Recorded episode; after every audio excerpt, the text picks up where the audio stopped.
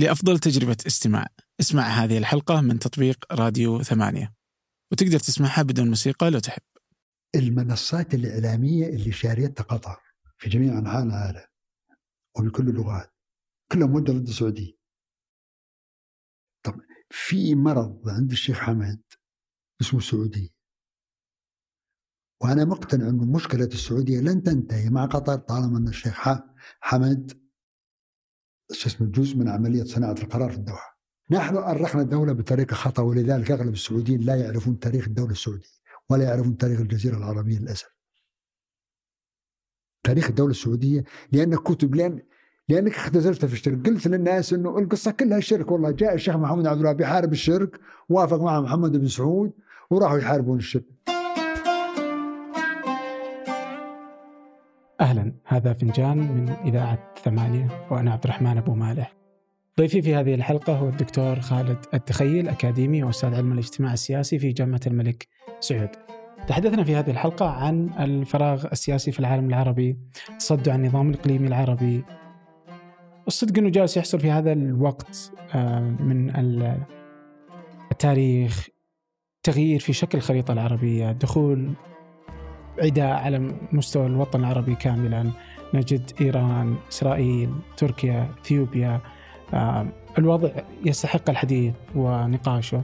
آه، والدكتور خالد حري بأن يكون ضيف هذه الحلقة.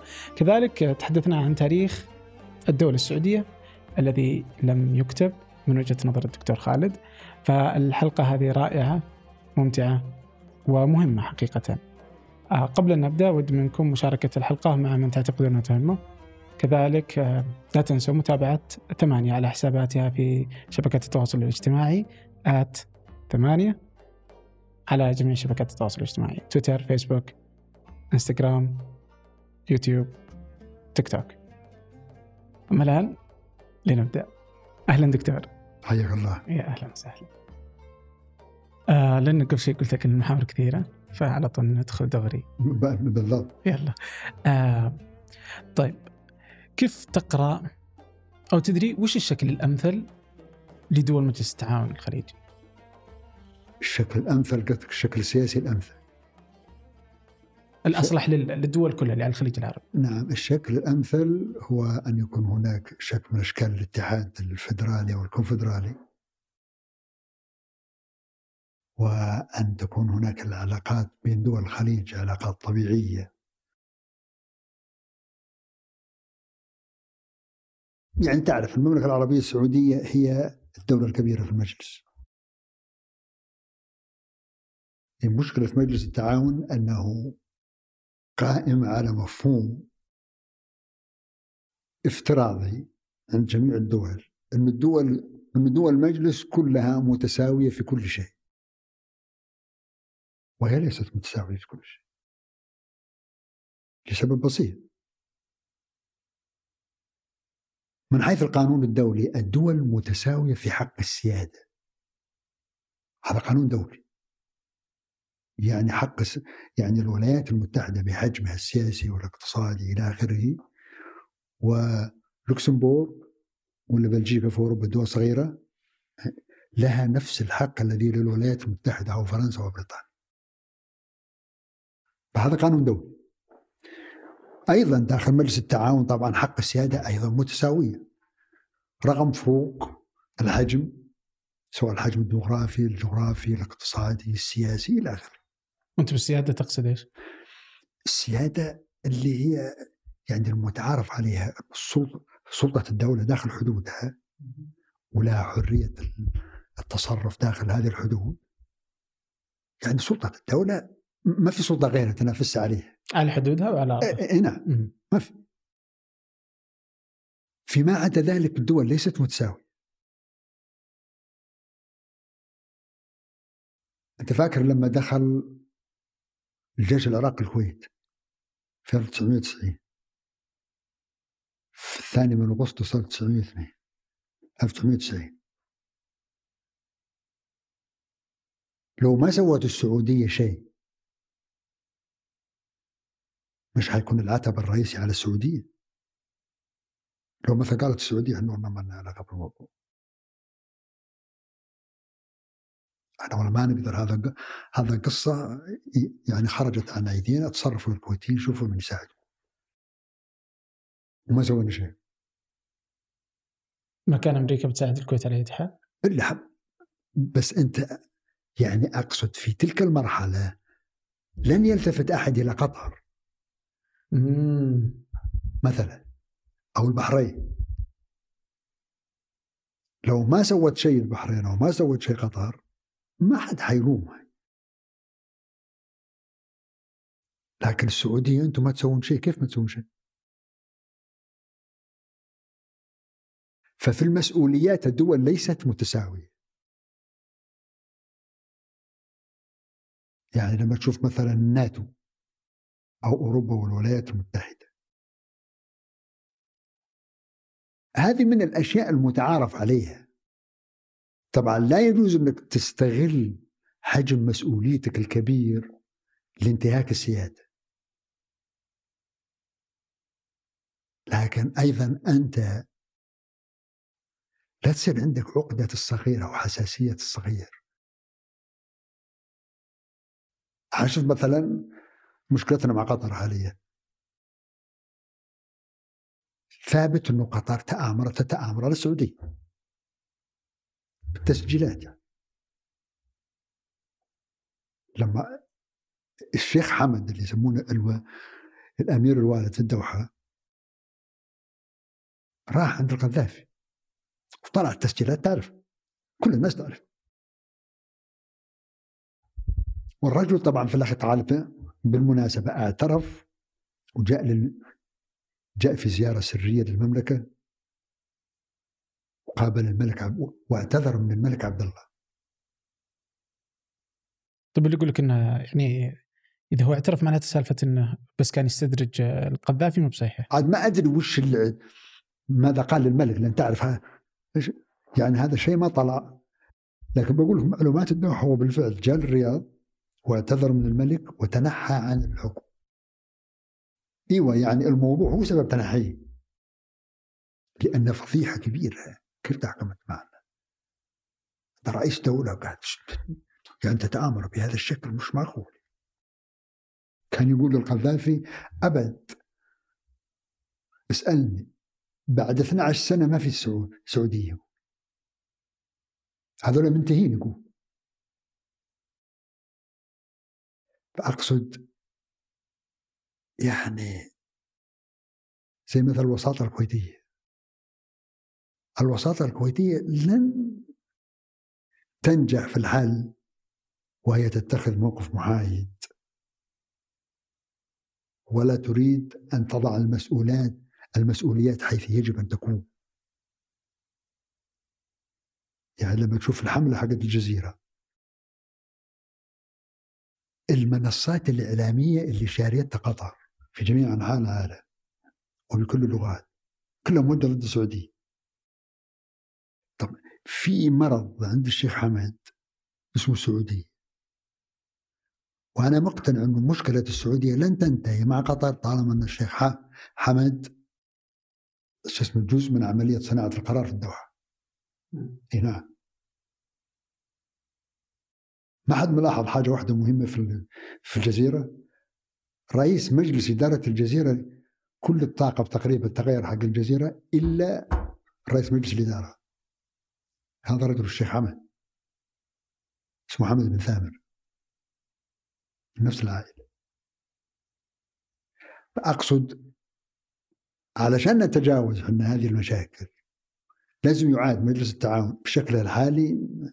واضح إنه مو بناجح المجلس. شوف شوف مثلا قطر تحالفاتها خارج خارج مجلس التعاون وخارج العالم العربي أصلا. ما لها تحالفات مع دول الخليج قطر.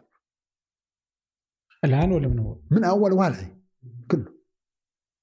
مش من اللي يحمي قطر؟ قاعدة تركية وقاعدة أمريكية. هي جايبتهم هنا علشان هو جايبهم الشيخ حمد علشان يناقر السعودية. عشان ما تقدر تسوي شيء. لما تصير عندك قاعدة أكبر قاعدة أمريكية خارج الولايات المتحدة موجودة في الدوحة قاعدة العديد وجاب معاها مؤخرا طبعا القاعدة التركية.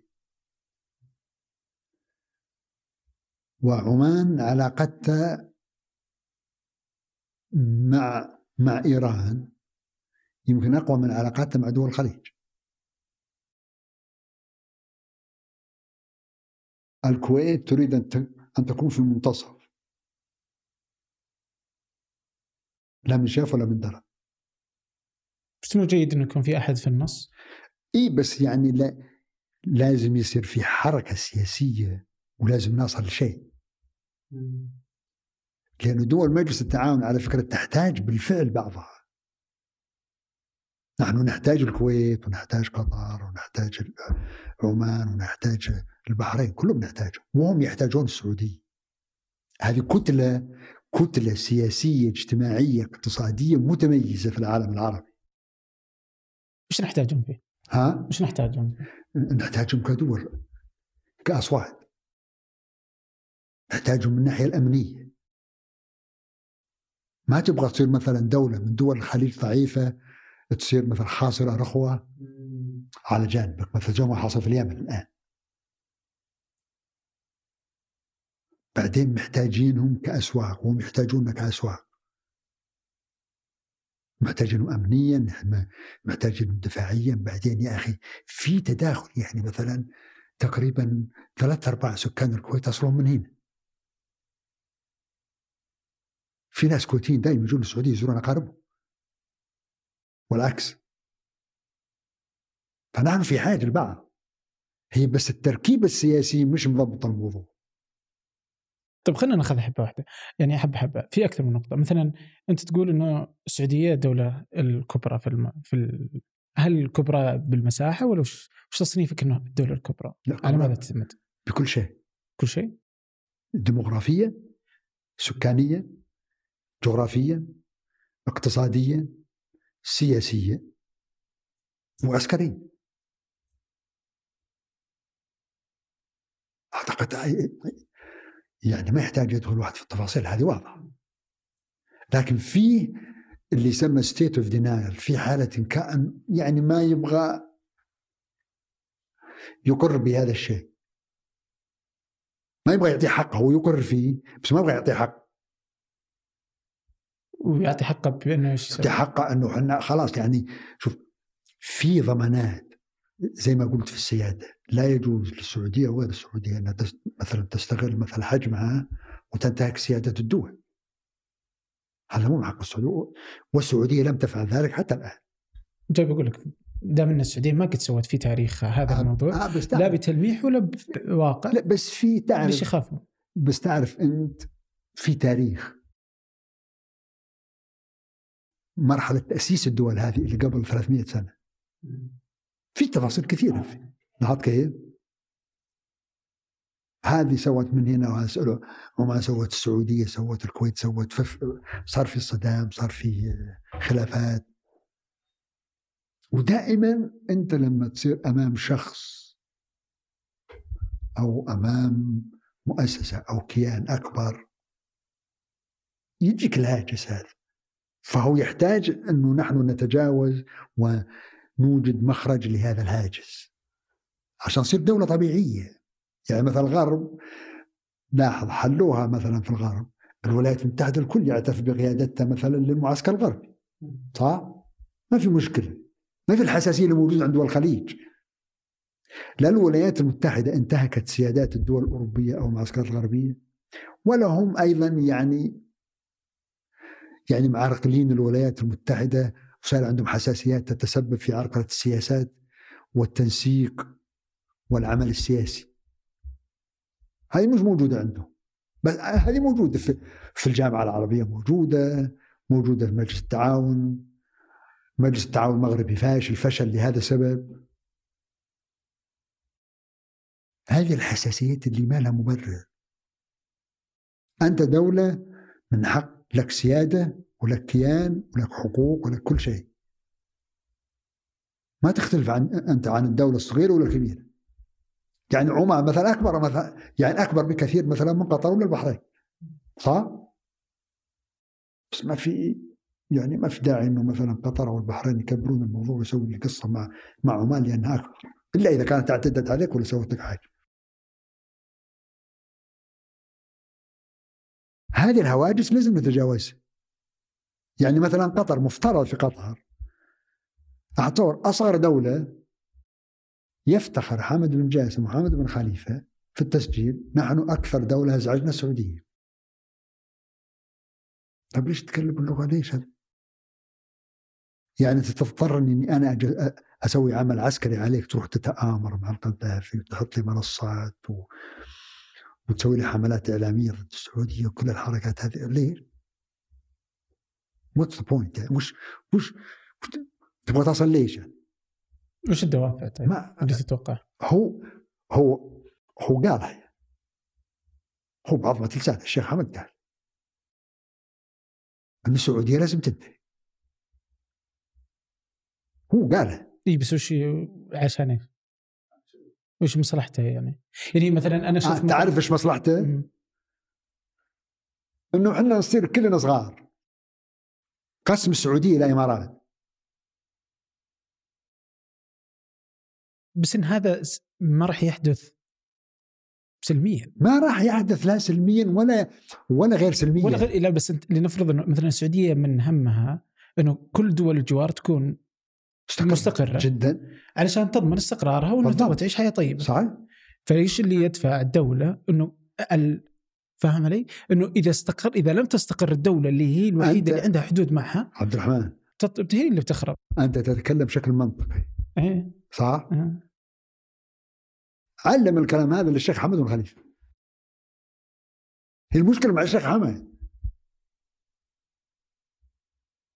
عنده عنده اعتقاد إنه والله السعودية تآمرت عليه في الانقلاب اللي صار عليه أو محاولة الانقلاب اللي صارت عليه. هو سوى انقلاب على أبوه. بعدها اظن بسنة أو كذا صارت محاولة الانقلاب عليه. فهو مقتنع إن السعودية وراها محاوله الانقلاب. أنا تناقشت مع القطري بالقصة هذه. تمام هذه صحة هذا الفكرة؟ مو صحيح صار في نقاش بيني وبين رئيس تحرير الشروق القطرية على إحدى الفضائيات حول هذا الموضوع تحديدا. قلت له ما تقدر تقنعني أول شيء؟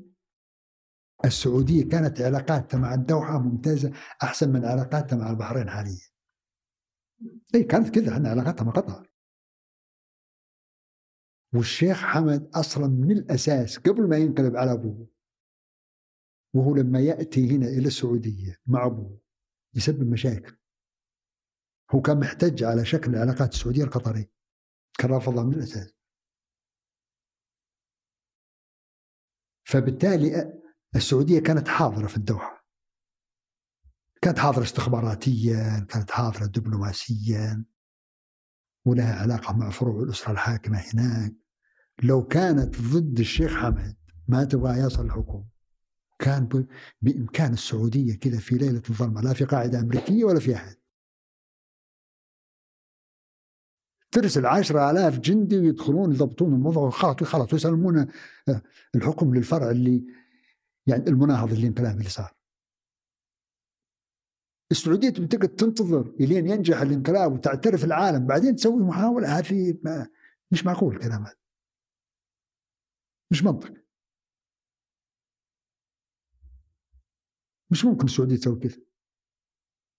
وبعدين طيب أنت مقتنع بهذا الشيء أنت يا شيخ حمد ماشي. تبغى تدهور السعودية وتدهور مجلس التعاون وتدهور منطقة الخليج والجزيرة العربية كلها علشان عندك قناعة هذه. مش ما في عقلية سي... يعني ما في حكمة سياسية. أنت تعرف السعوديين من أيام الملك فهد حتى مات الملك عبد الله الله يرحمه وهم ما يقولون شيء في قطر. حتى الأشرطة التي طلعت والتسجيلات واللي اعتذر منها السعودية ما قد جابت لها طاري. عاد ما ندري وش يصير وراء الكواليس بس علنا ما في شيء. خلاص يا أخي اخذ الشيطان انتهت المشكلة. اعقل شوي. روى ما في. حتى الآن لو يطلع خبر في السعودية في جريدة في أقصى إسبانيا تجيب الجزيرة وتسوي قصة من هنا لهنا. في جريدة ما حد يعرف. طيب إيش معنى؟ يعني صار مهووسين في الموضوع الجماعه أوكي. بشكل غير طبيعي. طيب أنا بفهم هذه. هذا الحين كذا بعض التخوفات اللي انت قلتها لأنه هذا الكبير أنا الصغير عقده الصغير هي عقده الصغير ترك ما في داعي للعقد. ما في داعي للعقد. اي أنا ليس هناك أي داعي للعقد. لكن أنت مثلا الحين لما صارت مثلا عملية عملية الكويت السعودية تحملت ماليا وعسكريا وسياسيا في تحرير الكويت أكثر مما تحملت الكويت. وهذا كان مو فقط فقط عشان مصلحة الكويت هذا أيضا عشان مصلحة السعودية. لأنه مصالحنا متداخل. لو صار شيء لازم محل على السعودية الكويت مفترض تسوي نفس الشيء. عمان مفترض تسوي نفس الشيء. مو عشان سواد السعوديين عيون السعوديين لا. علشان لأنه استقرار السعوديه استقرار لك. ونجاح المجلس لما ينجح المجلس ويتحول بالفعل إلى كتلة وازنة اقليميا هذا يخدم السعوديه ولا يخدم الجميع؟ يخدم الجميع. وتعزز العلاقات سواء الاجتماعية والاقتصادية والسياسية وحتى العسكرية. لصالح الجميع. سيادك على عيني وراسي لازم أحترمها. يعني يبدو لي إنه الكلام يعني ما يعني ما عندي مشكلة بس بحاول أفهم كيف يفكر الخليجيين وفقا للي أنت جالس تقول المفترض إنه الخليجيين إنهم هم المستفيدين أكثر. يعني بالخليجيين لا مش لا إحنا وياهم مستفيدين كلنا مستفيدين. إيه كلنا مستفيدين. بس خلني ابى أفهم لأنك أنت سعودي فودي أني أفهم ماذا لو إنه كيف الآخر مثلا. يعني يعني اليوم مثلا آه إذا افترضنا إنه آه إنه هذا اللي تقول إنه كلنا أمننا واحد. okay؟ نعم نعم. فاللي يهدد اليوم السعودية واضح إنه إيران تهدد اليوم أمن السعودية. نعم. okay؟ نعم. وبالضرورة إنها تهدد من الخليج. لكن ما أشوف يعني في المشهد إلا إنه كذا اللي إن السعودية جالسة لوحدها وممكن الإمارات معها نعم. أو البحرين حتى كذلك. بس الإمارات اللي بشكل واضح عسكريا صح صح. والبقية ما ما كانوا موجودين. هذا رغم إنه تقدر تقول إنه برضه هم متأثرين. لا. لاحظ كيف؟ الحين مثلا كانت الاتفاقية النووية اللي وقعها أوباما أو اللي التي وقعتها الولايات المتحدة في زمن إدارة باراك أوباما مع ايران كانت اتفاقية ضد مصالح المنطقة. لسبب بسيط واضح. إنها اتفاقية فقط ركزت على الجانب التقني الفني حق حق سلاح النووي. ثانيا أعطت إيران الحق في امتلاك السلاح النووي بعد 10 15 سنة. هي فقط أنها أجلت شو اسمه الاتفاق البرنامج. ولم تتطرق إلى دور إيران في المنطقة في نشر الميليشيات واجتياح البلدان وتصدير الطائفية والخراب اللي قاعد صاير في المنطقة. هذا باراك أوباما لم يعيره أي اهتمام. كويس؟ تأتي عمان وتسهل موضوع التوصل إلى الاتفاق. وتستضيف الوفد الإيراني والأمريكي في مسقط شو ليش كذا؟ يعني معناته يعني كأن كأن عمان تقول إنه والله طبعا هذا الكلام كان حصل في عهد آه، السلطان قابوس الله يرحمه واضح طبعا بهذه الخطوة أنه مصالح مصالح السعودية وعمان فيما يتعلق بهذه الاتفاقية ليست واحدة. أو نظرة رؤيتهم للاتفاق ليست واحدة واضح. يعني على الأقل كان منتظر مثلا من دولة عضو في مجلس التعاون أنها خلاص ما تدخل في الموضوع. خلي مثلا لوكسمبورغ تسوي خلي مثلا دولة زي مثلا اليونان تسوي. لا هذه عينك عينك مسويت ليش طيب؟ هذا اتفاق ليس لمصلحتنا هو. بالعكس في يعني هذا الاتفاق أعطى غطاء دولي للسلوك الإيراني في المنطقة.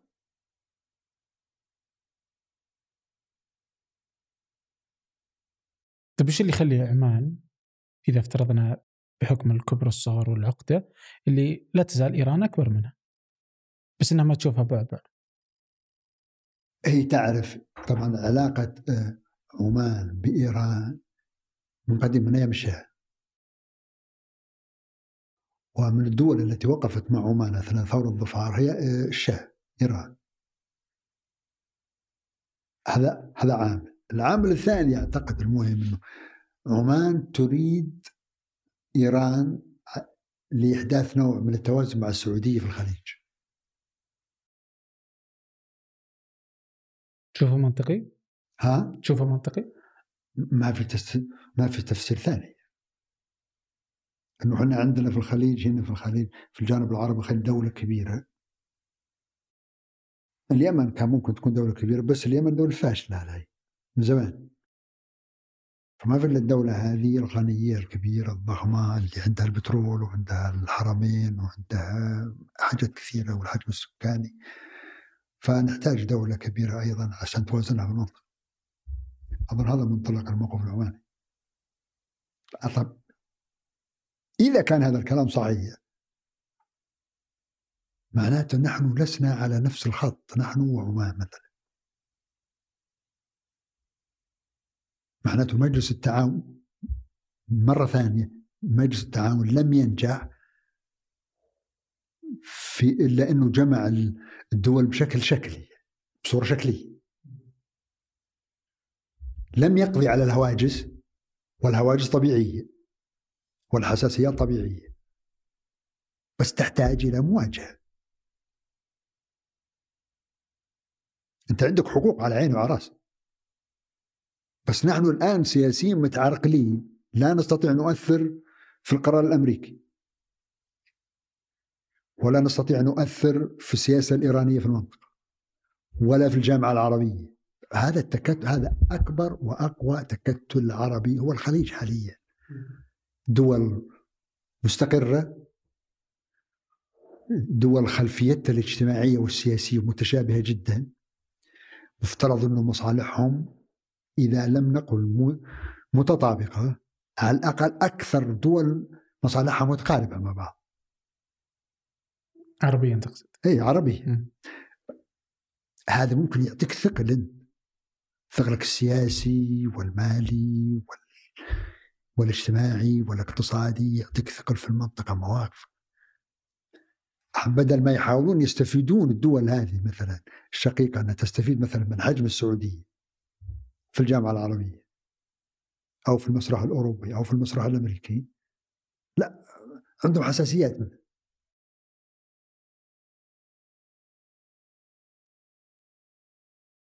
وش داعي الحساسيات؟ ما قد صارت. أنت ش... أنت شايف قطر الحين؟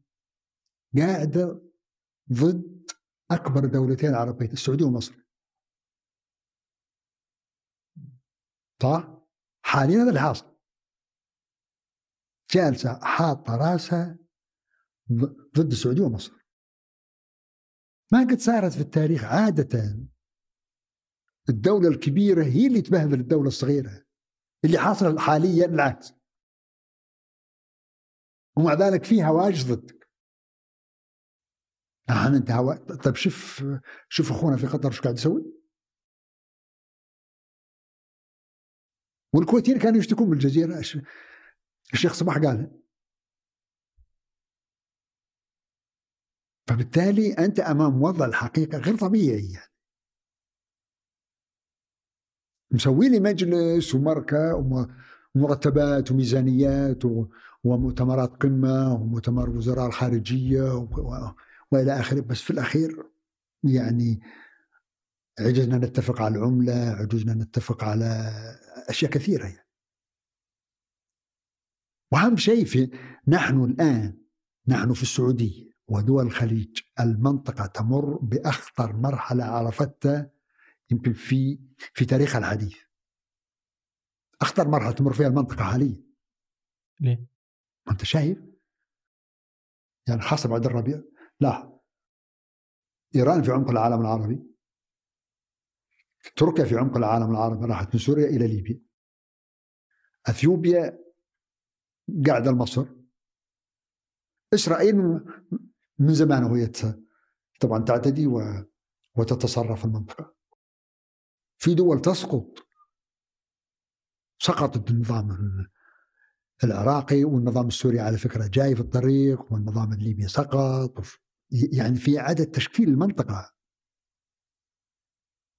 نحن في منطقة نحن في مرحلة حرجة حاليا فدول مجلس التعاون محتاج إنها يعني تشكل كتلة وازنة في هذا المنطقة عشان تضبط آه، العمل السياسي والمسار السياسي في المنطقة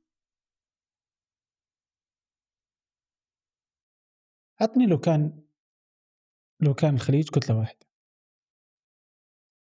وش كان ممكن يتغير؟ لو كان الخليج كتلة واحدة كان ما تجرأت مثل إيران تدخل في العراق. أي ليه؟ ليه؟ آه، لأن نقدر نواجهها حتى عسكريا يعني. بس لازم الدول الخليج كلها معك. أنت لما يشوف أنت ست أصوات. يعني تستطيع مثلا تأخذ حتى قرار يعني تسوي لابينج في واشنطن. ممكن تاثر على قرارات الأمم المتحدة على قرارات الجامعة العربية. حيسمعون لك الناس. هي مشكلة إنك أنت لما تبعثر مصادر القوة حقتك. ما عاد أنت ما تستفيد والناس اللي معك ما يستفيدون. okay. طيب هل نقدر نقول مثلا إنه اللي يخلي دول الخليج ما ودها تزعل إيران. إنها خايفة منها. وميب خايفة من السعودية؟ فاهم؟ أنا أدري إن السعودية ما راح تسوي لي شيء. لا, لا. بس أنا خايف من هذاك طيب. فودي أتقي شره. هو شوف السعودية ارتكبت خطأ من الأساس حقيقة. في خطأ ارتكبته السعودية ويمكن يساعد على الكلام اللي تقول عليه أن السعودية لم تبني قدرات عسكرية تتناسب مع حجمها ومع دورها. هذا هذا خطر ارتكبته السعودية يمكن في مبررات عند صانع القرار صاحب القرار. بس واضح حاليا تأثير هذا الشيء لأنه هذا أخرج تقريبا السعودية مش تماما بس ضاعف من اختلال توازن القوة في الخليج والجزيرة العربية. صار التوازن محصورة يعني بين العراق وإيران. لأن في ثلاث دول رئيسية في الخليج. السعودية والعراق وإيران. لو في توازن قوة بين الدول الثلاث هذه كان ما اضطربت كان لم يضطرب الوضع في الخليج إلى هذا الحد. لأن كل واحد يشيك على الثاني. يوازن الثاني. حيحسب لك حساب يعني مثلا كان صدام حسين غالبا ما راح يدخل الكويت. أو على الأقل إذا بيسوي شيء في الكويت ما يدخل في الكويت على طول يدخل يعني يتوقف عند الحدود. مثلا ياخذ مثلا شو اسمه الجزر اللي مختلف عليها والبير النفط اللي يبغاها. ما يجتاح الكويت إلى الحدود السعودية. كان إيران أيضا حسبت حسابك ما دخلت العراق. لأن حيصير مكلف.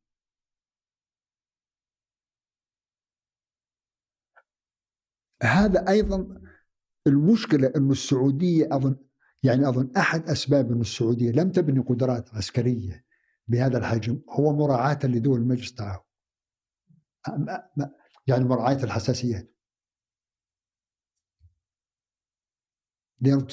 الحين الحين الإخوان متحسسين منك وانت ما عندك قدرات عسكرية. ضاربة مرة يعني تكلم لو عنده قدرات عسكرية ضاربة إيش اللي كان حيحصل؟ ما كان حيصل شيء. بس مو السعودية عندها برضو يعني ما أدري إذا هو الأقوى عربيا أو إذا ما كان ثاني أقوى جيش عربيا يعني مثلا الطيران و... الطيران السعودي حاليا نعم فيعني ما ما ضعيف ابدا لا لا إنه قوي يعتبر يعتد له لا. عربيا لا أنا أتكلم على فقط يعني على قوة عسكرية متكاملة في جميع أفرع القوات المسلحة بتكلم على سلاح الطيران على الدفاع الجوي على القوات البرية القوات البحرية. صواريخ أنظمة الصواريخ. يعني يحسب لك حساب. ما حد يلعب معك إنه معنى لأنه لأنه رد فعلك سيكون مكلف. بس احس عندها يعني مثلا اللي جابوه أيام آه، صواريخ أرض أرض. و... اي صينية. لا عندنا طبعا شوف يعني قصدي ما أنا اتصور يعني إذا لا هو بيخوف يخوف. لا لا. لا لو كنت خوف ما تخلص قدام الكويت يعني هذا لأنه يدري أحس إنه هذا الفرق اللي يخلي إنه يدري إن السعودية ما تبغى. ما تبغى يعني ما تبغى تدخل في الصراعات العسكرية.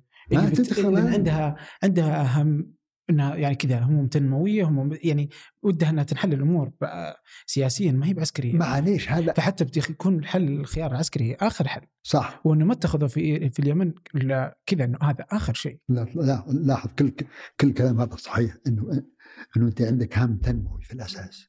فمو مو ما عندي شيء أخسره. أنا عندي أشياء أخسرها فودي نضمن الاستقرار. طيب ماشي. ما عندي مشكلة. بس العالم ما يوافق معك على كذا. واقع السياسي انت هذا المنطلق سليم. ما هي المشكلة هنا؟ مشكلة بس يعني تعرف اللي يقول وش در الأسد إني عنتر يعني. لاحظ كيف تقنع إيران إنه أنا ترى هذا كذا أنا مش عايز مشاكل. نحن نريد أن ننغمس في همنا التنموي. اقنع إيران. شوف إيران الحين يعني قاعدة تخسر من ثرواتها البشرية والمالية. واصله إلى البحر المتوسط. وهي على فكرة الهدف الاستراتيجي لإيران هي السعودية. بالمناسبة. يعني إيران تتصرف معك كعدو. هي اختارت كذا الملك عبد الله حاول والملك فهد حاول من أول من أول من أيام الرئيس اللي قبل أحمد أحمد النجاد.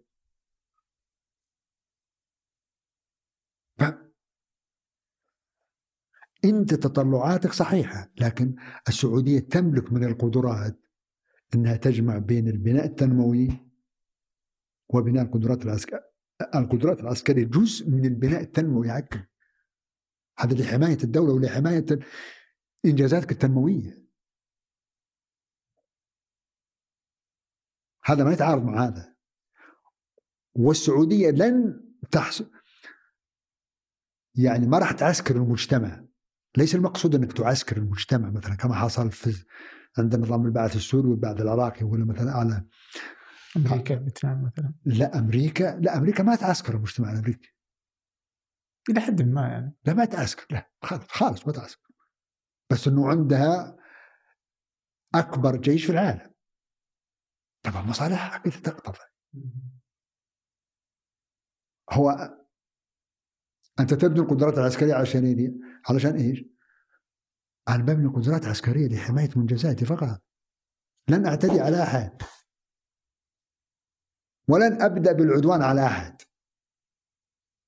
لا في الجوار ولا بعيد عن الجوار. أنا فقط لحماية السعودية ولحماية الخليج دول الخليج. فقط. المنطقة هذه السعودية والمجال الحيوي للدولة اللي هو الخليج. والوقوف طبعا مثلا مثلا مع مصر. وضعها صعب جدا. بعد سقوط العراق وسقوط سوريا وسقوط ليبيا وتقريبا أيضا في اليمن. يعني عندك أربع دول سقطت الآن لبنان مهدد. أنت ما تعتمد تسقط مصر. لما يصير عندك قدرة عسكرية دفاعية قوية هذا حتى يعطيك وزن سياسي في المنطقة وعلى المستوى الدولي بشرط أنك تستخدمها بحكمة. يعني ما مثلا زي صدام حسين ولا زي العراقي ولا زي الإيرانيين حاليا.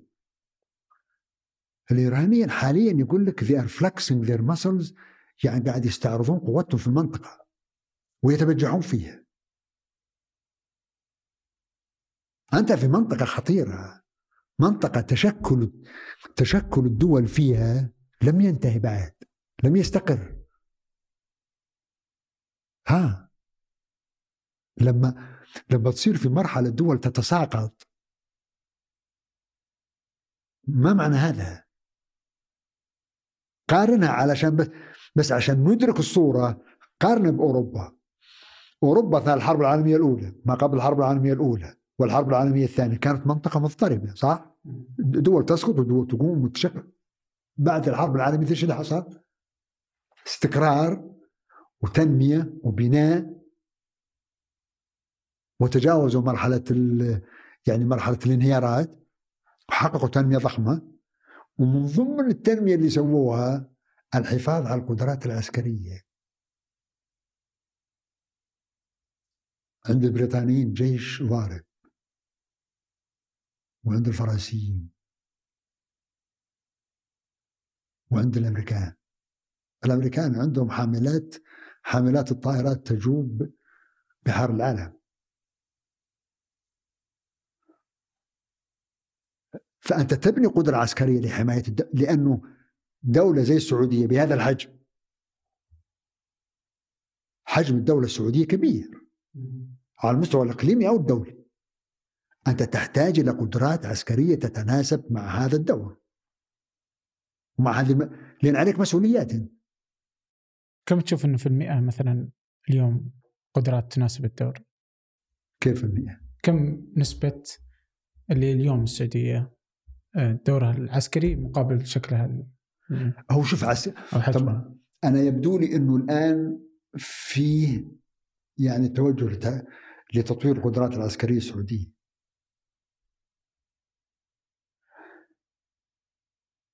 دائما قدراتك العسكرية تطلع عند الاختبار. نحن ما ب... لم ندخل اختبار حقيقي حتى الآن.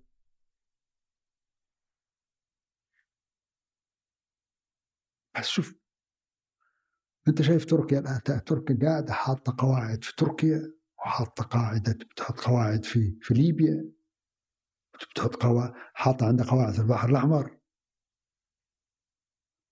إيران داخلة بميليشياتها وأعلنت قبل أمس الآن إيران أعلنت قبل أمس أنها انها تبني قواعد صواريخ تحت الأرض على شواطئ الخليج. فأنت تقول إنه أنا ما أبغى قدرات أنا أريد أن أركز على الجانب التنمي علم ذولي طيب. وش حاجة إيران إنها عندها برنامج نووي؟ وبرنامج صاروخي مستمر فيه دائم. والآن تبني قواعد تحت الأرض على شواطئ الخليج قواعد صواريخ قواعد عسكرية. هذا ليش؟ ما ف... يعني تبغى مين تروح العمان مثلا؟ طيب بس ممكن برضه إنك تتكلم عن آه أنت عندك حلفاء وكما يعني لحماية برضه المصالح السعودية فأنت ما انت لوحدك زي مثلا لما تقول أمريكا وهذا مو بس شيء سعودي بحت. صح. يعني نشوفه مثلا في اليابان إلا إلا إلا. بس لازم تشوف أنت تحالفاتك تبقي عليها طبعا. لا ما في خلاف. لكن لازم تصير حليف قوي. ما تصير حليف ضعيف. شوف شوف مثلا إسرائيل. حليف الولايات المتحدة. هي تعتمد على الولايات المتحدة أكثر من السعودية بمراحل. في وجودها أصلا. كويس؟ هل قالت هل قال الإسرائيلي والله خلاص إحنا عندنا يعني قوة أكبر قوة في التاريخ؟ فبالتالي ما في داعي إحنا نسوي شو اسمه قدرات عسكرية ونضيع فلوسنا ونضيع وقت. ما قالوا كذا لا. عندهم قدرات عسكريه عندهم. هم تقريبا الجيش الثالث أو الرابع في العالم.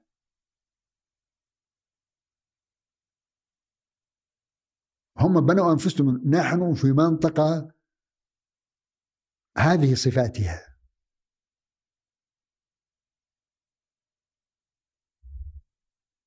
67 يقول إيش هزيمة حزيران؟ تقول إن إسرائيل كانت تبني قدراتها العسكرية لمواجهة على الأقل أربع دول عربية دفعه واحدة. هذا اللي حصل. أنا ببني قدرات عسكرية مش عشان بس أواجه مصر والعالم ولا سوريا لا أواجه العرب كلهم دفعه واحدة. الدول العربية الكبيرة. وفي نفس الوقت حققت تنمية كبيرة بالمناسبة إسرائيل صح؟ بس حجمها صغير حجمها الجغرافي صغير والسكاني صغير لكن العسكري هي أقوى دولة في المنطقة من شوف أنت شايف الآن إيران شو اسمه إسرائيل؟ أظن أمس التفجير الرابع صار في إيران. من اللي وراه؟ يقولون إسرائيل. إسرائيل. الصحف الإسرائيلية تلمح لهذا الشيء بشكل يعني ونيويورك تايمز لمحت يعني كتبت عن هذا الشيء. بل في مقال اليوم في نيويورك تايمز يقول لكم يبدو إنه في تخطيط أو تنسيق أمريكي إسرائيلي في الموضوع. إيران لا تستطيع أن ترد. ليش؟ شوف كل كل عنتريات إيران تقريبا تدمرت شو اسمه؟ يعني محطة في نتانز. ما يردون. ليش؟ خايفين؟ اي طبعا.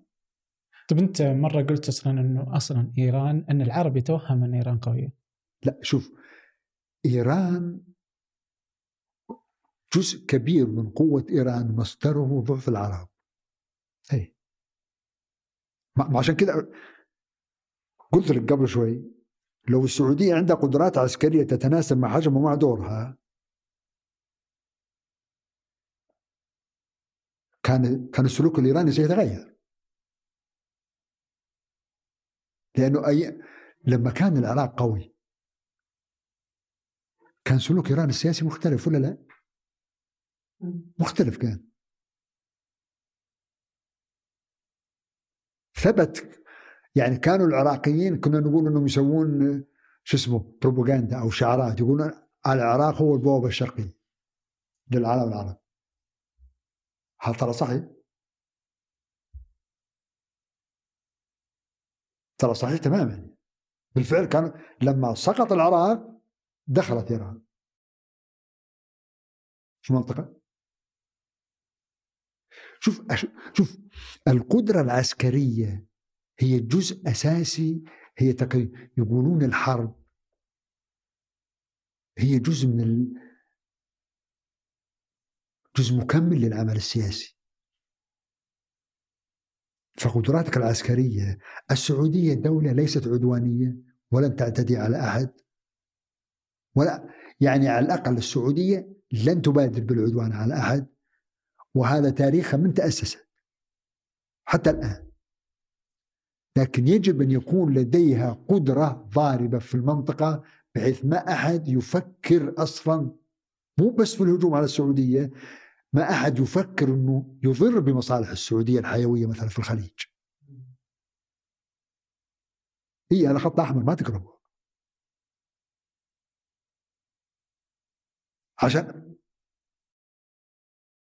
يعني أنا عندي حاجات كبيرة على الخليج أنا عندي معامل كبيرة ضخمه جدا. عندي شبكة استكشاف واستخراج وتكرار نفط وغاز وغاز ومش يعني مشاريع ضخمة بمئات المليارات بالتريليونات يمكن. هذه يحتاج لها يحتاج أن أقول إيران أو أي طرف ثاني لا تلعب بالمنطقة ذي ترى حتدفع ثمن باهظ لا يجي على بالك إنك تسوي شيء هنا. ترى حتدفع ثمن باهظ زي ما يقول الأمريكان This is not a threat. This is a promise you. لا عاد قلت عاد كيف؟ هذه مرة قالها في الرسالة اللي كتبها صدام حسين اللي كتبه إيش اسمه عفوا بوش الأب للرئيس صدام حسين. كانت عبارة لأول مرة أنا أقرأها صراحة. معبرة جدا. قال لا تسوي كذا ترى إذا سويت كذا حسوي كذا. لا تتعاون مع الإرهابيين وتضرب أطراف التحالف هذا أيام في التسعينات أيام أزمة الخليج الأولى. وكذا يعني يعدد له. الكويت سترجع قال ستعود. فأنت يجب أن يكون همك مستقبل العراق وماذا سيحصل في العراق. إذا تهورت. في الأخير يقول this is not a threat Mr. President. This is a promise. هذا ليس تهديدا إنما وعد. هذا وعد. إذا سويت كذا حيحصل كذا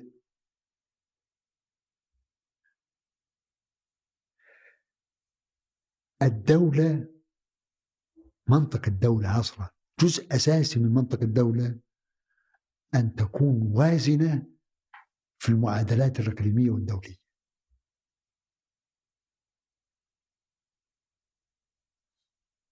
وأن تكون حليف لازم تحافظ على حلفائك. لكن أفضل لك أن تكون حليفا قويا. أنك ما تصير عالة على حليفك. يعني أنا أقدر أحميك يا عبد الرحمن بس أنت عبد الرحمن ما تقدر تسوي لي شيء. تصير علة. تصير علة في العالم ما تركب. صح؟ مم. أنا أحميك و... وإذا احتجتك أنت تحميني أيضا. تساعد. فانت تشيلني واشيلك ما تصير عالة عالي ولا أنا أصير عالة عليك. هي هذه المعادلة من هذه الزاوية تأخذها. طيب آه أنت قبل شوي كذا ذكرت إنه أصلا إنه اليوم آه وأتذكر برضو لك تغريدة في نفس السياق إنه آه إيران تدخل إلى وسط العالم العربي. تركيا كذلك م. إثيوبيا مع السودان ومصر نعم. وإسرائيل كذلك موجودة فكنت تقول ماذا حصل للعرب؟ إيه؟ وأنا بقول لك ماذا حصل للعرب؟ إيه؟ الحين أنت لما تشوف اللي حصل للعالم العربي شوف مثلا دول مجلس التعاون زي ما زي ما تكلمنا عليه الانقسام يخلق ثغرات لأن حاليا كل دول الجوار العربي تكالبت على الدول العربية يعني حاليا هذا اللي حاصل. إسرائيل الآن ستضم تريد أن تضم يعني تقريبا أغلب الضفة الغربية وتريد أن تأخذ غور الأردن. أي. تركيا تريد أن تسيطر على شمال العراق وتمسك ليبيا. وتضع فيها قواعد عسكرية. إيران ماسكة العراق تبغى تمسك العراق وتبغى أيضا في سوريا. فلما يصير في نظام زي النظام السوري ورئيس مثل الرئيس بشار الأسد يرضى أنه بدل ما كان يتفاهم مع الشعب حقه ويقدم له التنازلات ويمتص الثورة اللي صارت. يعطي الأولوية لهذا الحال. للتفاهم مع الشعب بدأ لا راح وجاب جاب جيوش وجاب مقاتلين أجانب وميليشيات وجاب الروس وجاب الخصة كلها. الآن الحين سوريا فيها احتلالات أمريكية وإيرانية وتركية وروسية وميليشيات. تقريبا الآن السياسة الخارجية السورية ما يسيطر عليها الرئيس السوري ولما يصير عندك خلافات بشكل مثل زي قطر في الخليج. قطر تمول المجهود العسكري التركي في المنطقة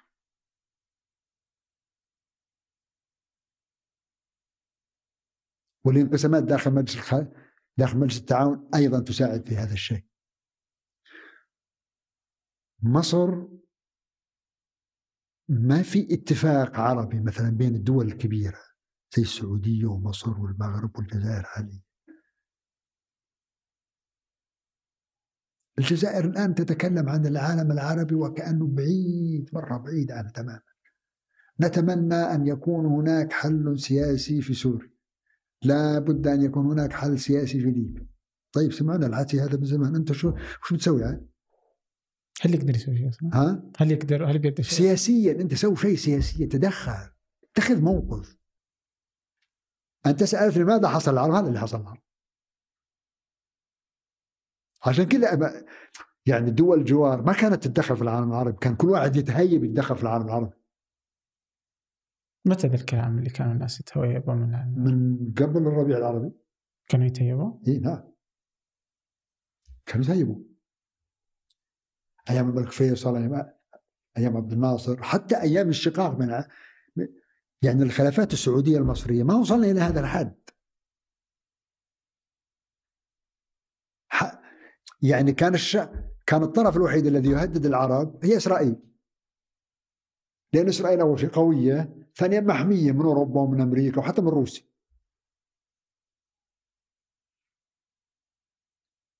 حاليا لا أنا انهار تقريبا كل شو اسمه كل الحواجز. كل دول الجوار العربي الآن تهدد العالم العربي. ليش؟ لأنه هل شايف أنت يعني أمامك تق... ما في تقريبا إلا السعودية والى حد ما الإمارات. هم اللي لهم صوت ولهم حركة. لكن التحالف واتخاذ المواقف المعلنة ورسم الخطوط هذا يساعد في منع انزلاق الوضع إلى عمل عسكري. أصلا العمل العسكري ليس في ليس في صالح احد زي ما تفضلت. العمل العسكري هو الخيار بما في بعده الخيار الأخير بس قبل كذا لازم تفعل كل شيء بحيث انك. تمنع الخيار العسكري.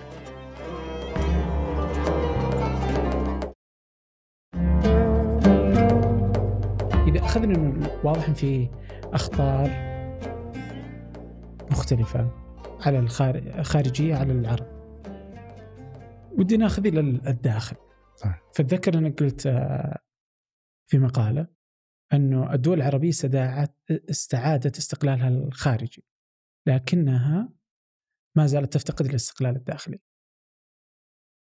فهل الضعف الداخلي في الدول العربية اليوم يشكل خطر موازي للخطر الخارجي؟ لا هو طبعا أنت لازم جبهتك الداخلية واستقلالك يعني يعني جبهتك الداخلية قوتك الداخلية السياسة الخارجية هي امتداد للسياسة الداخلية.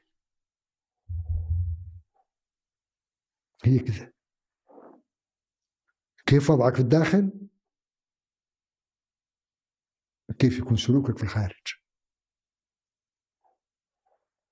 ولذلك مثلا تحتاج إلى لما أنا الحقيقة نسيت أنا يعني ما أتذكر تقول في مقالة أنا كاتبها الكلام. مقالة أحداث سبتمبر وحديث مفارقة العربية.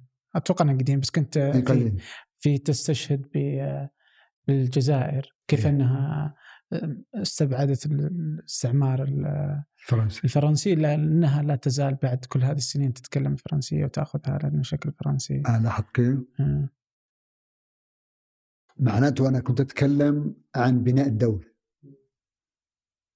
وبناء الدولة مشروع. وأحس إن هنا مدخل اذن عن المقاطعه إنه ربما برضو إنه هذا مدعاه لوجود الميليشي الميليشيات الإيرانية وإنها ما استطاعت أن تتواجد إلا لضعف الداخل في الدولة. ما لن تتواجد ميليشية في دولة قوية من الداخل. لأنه لما تبني الدولة عسكرية وسياسية واقتصاديه وتعليمية. وتشكل الوحدة الوطنية بشكل متماسك ودولة قوية بمو... ليست فقط قوية بالمباحث وبالاستخبارات وبالشرطة لا قوية في كل شيء. بعطيك مثال. أنت شايف الصراع اللي قاعد يجري في الولايات المتحدة حاليا؟ صراع حاد جدا صراع حاد حقيقية. بين إدارة ترامب والمحافظين وخصومهم في الجانب الليبرالي. وفي الواجهة الآن طبعا صراع بين الحزب الجمهوري والحزب الديمقراطي. في صراع مرير يدور. لكن لا لكن لاحظ قوة الدولة هناك. كله يتم داخل المؤسسات.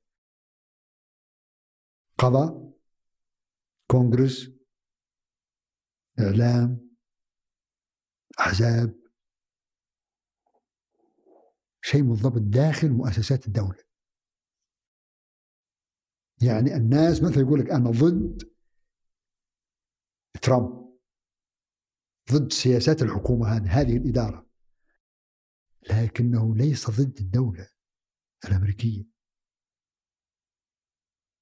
يعني بالعكس هو يرى أنه يريد يرى أن أن هدفه إنقاذ الدولة من هذه الإدارة. نفس نفس الموقف عند الإدارة. عند ترامب ضد الطرف الآخر. أنه أنا أريد أن أحمي الدولة الأمريكية بتراثها ضد هؤلاء اليساريين المتطرفين. بس كل الطرفين شوف متانة هذا اللي أقصد أنه تصير عندك قوة عسكرية بدون آه، تقاليد دستورية وقانونية بدون قوة عمل مؤسسي. لا تصير يعني يسمونها sheer force يعني. يعني قوة عالية كذا عنده قوة زي صدام حسين مثلا. يعني نموذج صدام حسين كان عنده قوة. بس ما كان عنده سياسة. ما كان عنده قانون. ما كان عنده مؤسسات. زي اللي ما تقول يعني واحد مثلا رجل عصابة وعنده وعنده كلاشينكوفات وعنده قنابل وعنده كذا بس. الدولة ليست كذا. الدولة تحتاج القوة لكن الدولة تحتاج القانون تحتاج المؤسسة.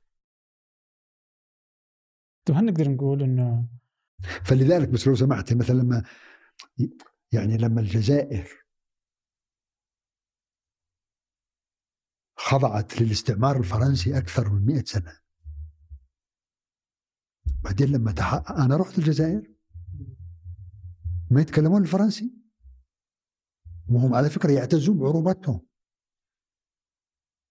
والبربر يعتزون ببربريتهم بلغتهم الأمازيغية. بس يتكلمون فرنسي.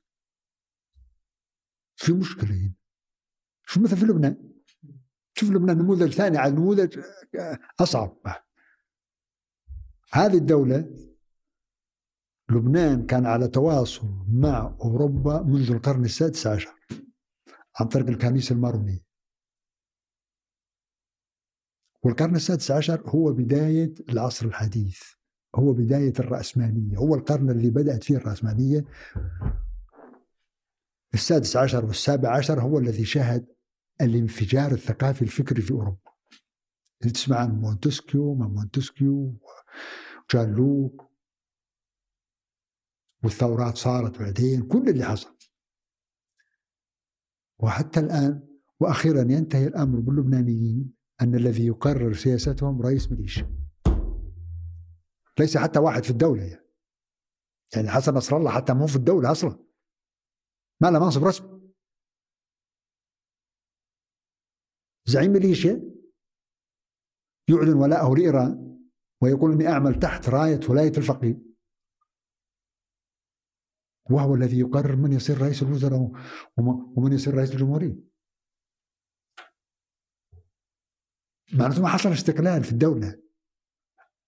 أنت تخلصت من من الاستعمار الخارجي بس جاك استعمار مثله وأسوأ بأيدي محلية.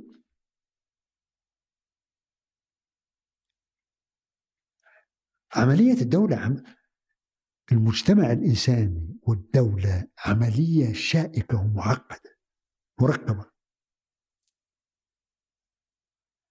داخل فيها كل ما يمكن أن يخطر على بال من اجتماعي من نفسي من سياسي من اقتصادي من عسكري من مالي من من إلى آخره. هذه يبغى لها شغل. بناء الدولة ليس يعني ليس عملا سهلا. طيب هل نقدر نقول اللي وصلنا له اليوم مثلا آه على الشكل العربي؟ السعوديه لا لا على الشكل العربي على المستوى العربي. على المستوى العربي. اليوم عدم الاستقرار الخارجي بارد الموية ولا دافئ؟ لا هذه كويس آه. كويس شكرا. طيب ودك قهوه بعد؟ لا. الآن هل نقدر ناخذ هذا السياق على انه هل نقدر نسحبه على أي سياق تاريخي لأشكال متراكمة أدت إلى هذا الشكل؟ ولا مو بس يعني توضح أكثر؟ لا شكرا. بس أبى- أبى أبى بعد عام أبشر. يعني إنه المراحل اللي مرت فيها هذه المنطقة تاريخيا هل لها أي شكل من الأشكال اللي أدت إلى هذا الضعف العربي؟ الخارجي والداخلي؟ يعني مو معقول انه إنك تتكلم الحين إنه ما استطاعت أنها تبني دولة زي لبنان. مثلا اي طبعا. يعني حتى الدول العربية لم تك لم يكتمل بناء الدولة. كلها؟ ها؟ كلها؟ تقريبا.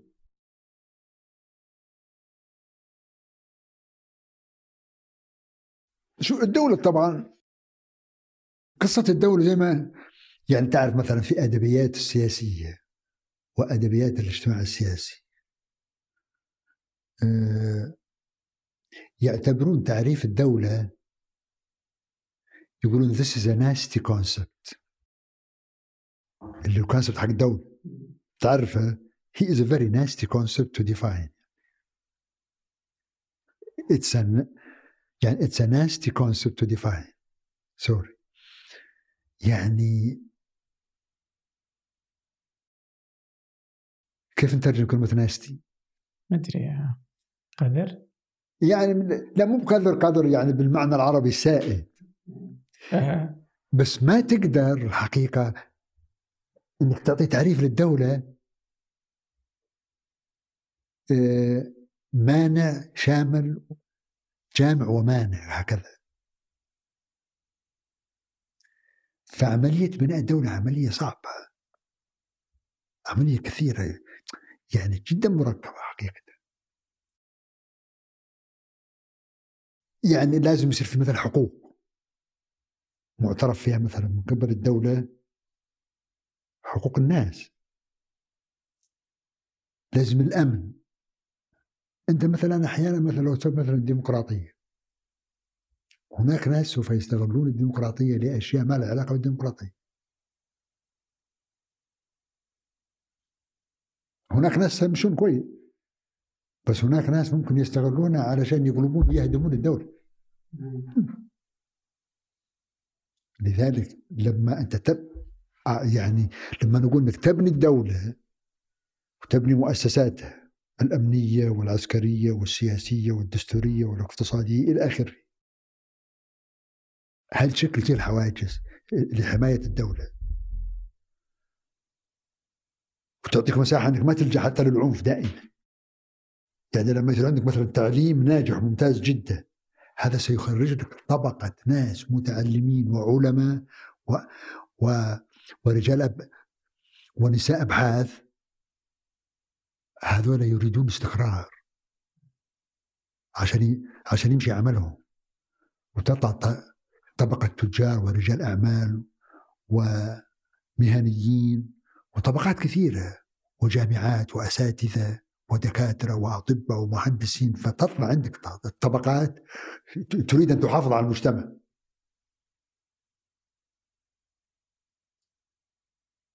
في نفس الوقت لازم تسوي مؤسسات أنت علشان هذا هذا الكم الهائل من البشر يحتاج مؤسسة. وتضع لها قوانين. مع الوقت تتراكم التقاليد مع القوانين. يصير أحيانا التقليد هو اللي يمنعك إنك أنت مثلا تخطي ما تحتاج تروح مثلا لل... للمحكمة عشان تعلمك وش تسوي. أنت كذا بالخبرة وبالتجربة وبالتقاليد تعرف إنه هذا خطأ. فتحترمه على تذكر هذا يحتاج له بناء علشان يصل له.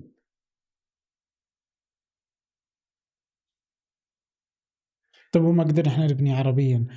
ليش؟ ما هل هي مرحلة اللي أنت تقدر تخليها هل هو لأنه إحنا عرب كذا بس؟ لا مش لأنه إحنا عرب لا, لا. هل هي مرحلة اللي كانت في أوروبا ما قبل الحرب العالمية الثانية؟ أوروبا استفادوا أوروبا استفادوا من من تجربتهم التاريخية كانت تجربة مريرة كانت تجربة مريرة حقا بس, بس استفادوا منها هل هذه تجربتنا المريره اللي نبغى نستفيد منها؟ نحن يبدو لي لم نصل إلى مرحله أعتقد مثلا في سوريا مثلا. شوف العراقيين. مروا بتجربة مريره مع صدام حسين صح؟ كان يفترض فيهم. يعني العراق بلد غني. ترى العراق أغنى من كل دول الخليج. حقيقة. أغنى من السعودية العراق. عنده بترول عنده ثاني ثاني أضخم احتياطي نفطي في العالم بعد السعودية. عنده غاز عنده نهار عنده أنهار عنده ثلاثة أنواع من التربة وثلاثة مناخات عنده. شمال العراق وجنوب العراق. يعني تقدر تزرع طول السنة عنده تراث سياحة هائلة. من الآشوريين إلى العباسيين إلى الدماشق. في تناسب هائل بين بين المصادر البشرية والمصادر الطبيعية حقتهم. حجم السكان حقهم جدا ممتاز. ما يشكل عبء على المصادر الطبيعية أبدا. 25 30 مليون والبلد غني مرة. زي الولايات المتحدة. لو أنه بس ما الذي خذل العراق؟ السياسة. السياسة خذلت العراق. سياسة ولا أمريكا؟ لا لا سياسة. لا لا. لا مش أمريكا. لا لا. العامل الأساسي. شوف في فرق يا عبد الرحمن. بين إنك تستغل الشيء أو تتسبب فيه. فهمت علي؟ أنت عندك مشكلة أنا أستغلها. واستفيد منها. صح. بس أنت مسؤول. أنت سبب مو أنا أنا استغليتها أنا ناستي. أنا تعيس. جيت واستغليت. جسم الضعف اللي عندك والأخطاء اللي عندك ووظفت لصالحي. لا. لا يعقل أنك تقول والله خالد هو المسؤول. لا خالد مو مسؤول عن الموضوع. المسؤول صاحب الشأن. في فرق بين الاثنين. لأنه العراق كم عمر الولايات المتحدة؟ 200 سنة. 200 يمكن 60 سنة. 250 260 سنة. كم عمر العراق انت لو اخذتها فقط من فقط لو اخذتها فقط من الخلافه العباسي. انت حتتكلم على الأقل يمكن ثمان 800 سنة. بعدين مشاكلك انت م... يعني المشاكل العربية موجودة قبل توجد أمريكا أصلا. دولة يعني أمريكا مثلا بمقاييس الدول they are still a baby يعني they are still very young يعني. 260 سنة. ولا شيء. ولا شيء. بريطانيا الماجنا كارتا حقته. اللي هي أول إصلاح دستوري سووه. كان في 1213 في القرن الثالث عشر. بداية القرن الثالث عشر. نحن الآن في القرن الواحد والعشرين. يعني صار صار لها 800 سنة الماجنا كارتا فقط فأقصد لاحظ طبعا خرجوا ببناء دولة هائلة في بريطانيا وملكية و... ونظام ملكي ناجح بكل المقاييس.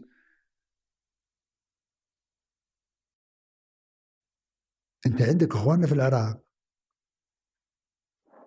أنا أقول لك هاي الثروه اللي عندهم لما سقط النظام شوف سووا؟ شو خسر شيء محير يعني. يمكنك تحملهم أكثر مما يحتمل لا ولا؟ لا؟ لا يعني إنه كان قبلها كم صدام؟ 30 سنة؟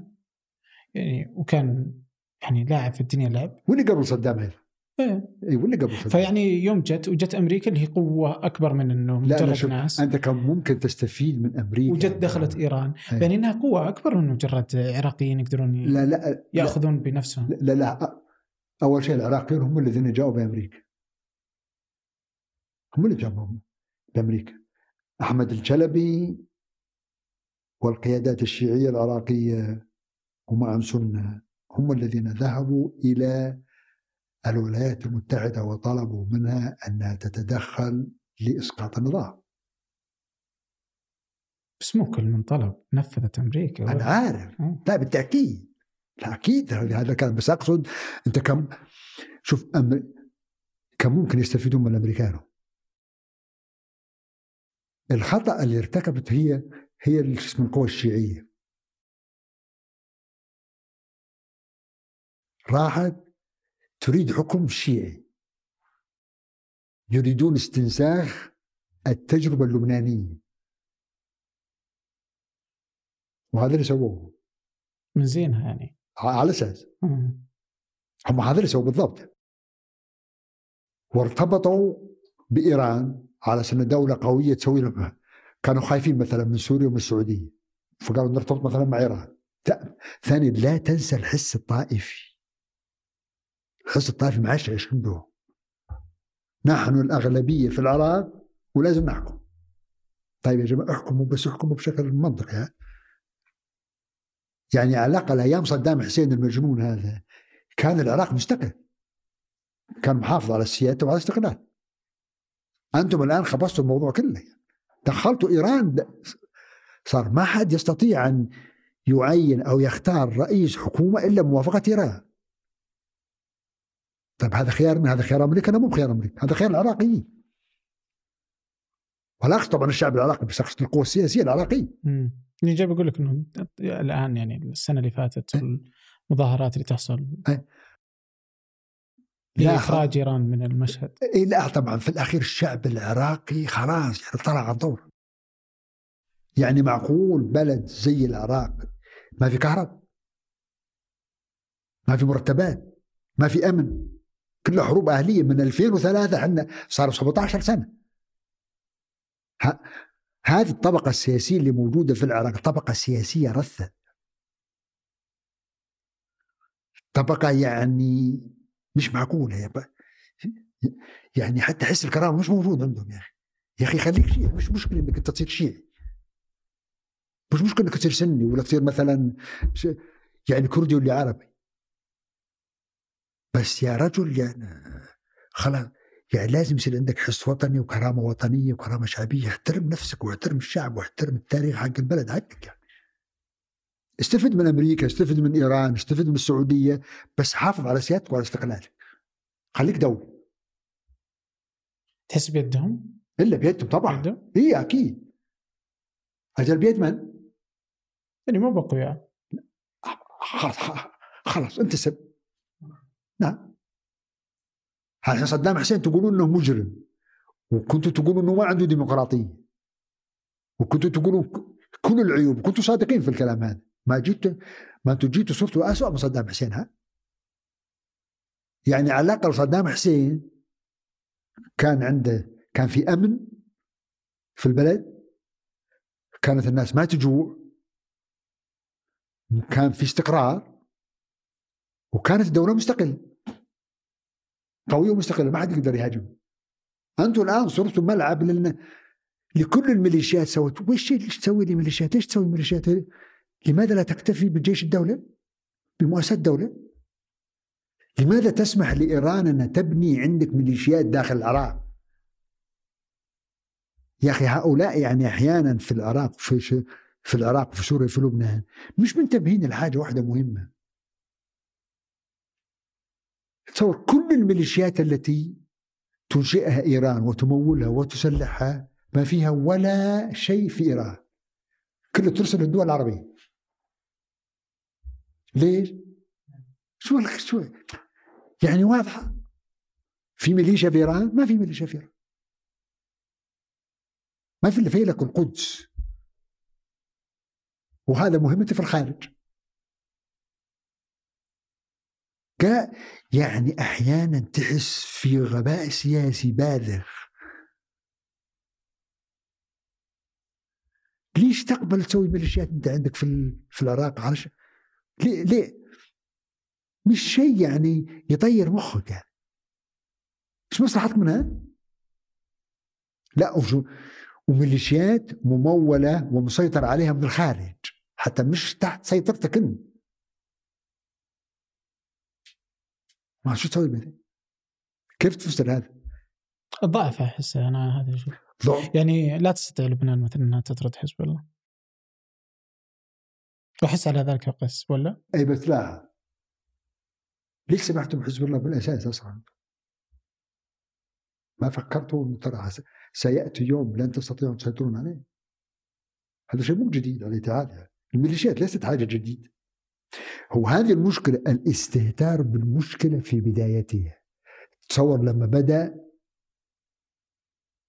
حزب الله وهو بدأ في الثمانينات 82 أظن أنا لو رأي مثلا لو رئيس أو مسؤولين وأعضاء مجلس النواب وسياسيين لا هذا شيء يثير التوجس هذا ليش الميليشيا ليش ليش أنتم في حاجة تسووا هذا الشيء؟ مقاومة. مقاومة إيش؟ إسرائيل. طيب مقاومة إسرائيل لازم تصير حزب شيعي خالص ومرتبط بإيران. المقاومة عادة وطنية فتصير تنظيم يضم كل مكونات الشعب اللبناني لأن المحتل لبنان كله صح ولا لا؟ إيه ليش أنت أنت بالحالك اللي بتقاوم؟ يعني إحنا مثلا ما نبغى نقاوم يعني مثلا المسيحي والسني والدرزي هذول مبسوطين على احتلال إسرائيل الجنوب شو يمكن قالوا؟ فرض كفاية. ها؟ فرض كفاية خلاص. طيب. آه فيكم حيل؟ يلا. فرض كفاية؟ لا يا أخوي ينطبق علينا وعليه فهمت؟ واحد قال أنا بتك الموضوع. هذا يوافق. طيب ليش؟ لماذا تمويلك وارتباطك الأيديولوجي؟ هل من ذاك الوقت؟ اي نعم. اللي مؤسسة فيلق القدس حزب الله. آه. نعم. طيب إذا قلت إنه شيء جديد على العرب وما كانوا منتبهين له لا مو شيء جديد لا مو شيء جديد. يعني أول كانت الحروب السياسية العربية والله العظيم صح؟ والله العظيم أنا كنت في لوس انجلوس وأنا كنت أتابع أخبار شو اسمه حزب الله.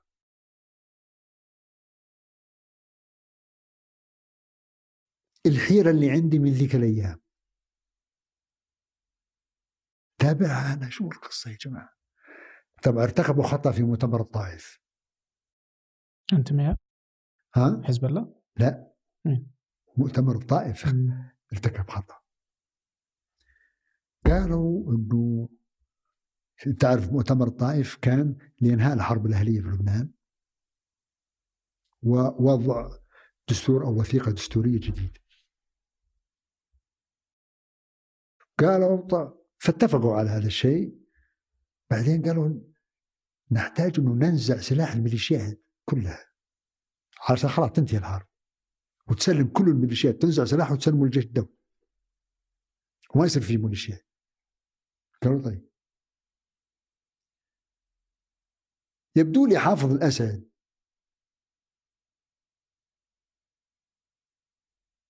اقترح على المؤتمر أنه لابد من استثناء حزب الله. ليش؟ قال عشان المقاومة. عشان هذا أنا مرة جلست في 2009 مع كمال جملاط مع مع وليد جملاط. زرته في بيته في بيروت. وطرحت عليه هذا السؤال. قلت لماذا استثني حزب الله من عملية نزل السلاح قال أنت عارف كان معي مندوب كان معي مدير مكتب جريدة الحياة في بيروت. قال والله تعرف إحنا في في ذلك الوقت ما طلعت الميليشيات وما طلعت الطائفية العالم كله كان يتكلم عن العرب والقومية والتحرير والمقاومة والأشياء هذه. فصراحة مشينا مع الموضوع. قلت له يا أستاذ وليد يا وليد بيك انت ما على بالكم المقاومة وطنية عادة. حركة مقاومة مقتصرة على مكون واحد مكونات الشعب اللبناني ومرجعيتها خارج لبنان وتسليحها من خارج لبنان. إحنا نعرف أن الدول عادة ليست جمعيات خيرية. إيران لماذا تفعل كل هذا تصرف كل المصاريف على حزب الله كلها عشان تحرير الجنوب وعشان مقاومة إسرائيل؟ يعني شو يعني الواحد يصير يفهم مش يعني أنا متأكد إنه طبعا ممكن ما بعرف بس ممكن إيران إنها تساهم مثلا في مقاومه إسرائيل ما في مشكلة. بس الأولوية عند إيران وش الأولوية عند إيران إيران. ليست إسرائيل وليست لبنان. زي ما إنه الأولوية عند السعودية السعودية. حد بديهيات ولا لا؟ طيب. فهذه المشكلة التساهل مع مشكلة حزب الله. حتى كبرت وخرجت عن الطوق. لا تتساهل مع خليك لماح وذكي. لما تشوف شيء حاصل فتح عينك. هذا في صالحي ولا لا؟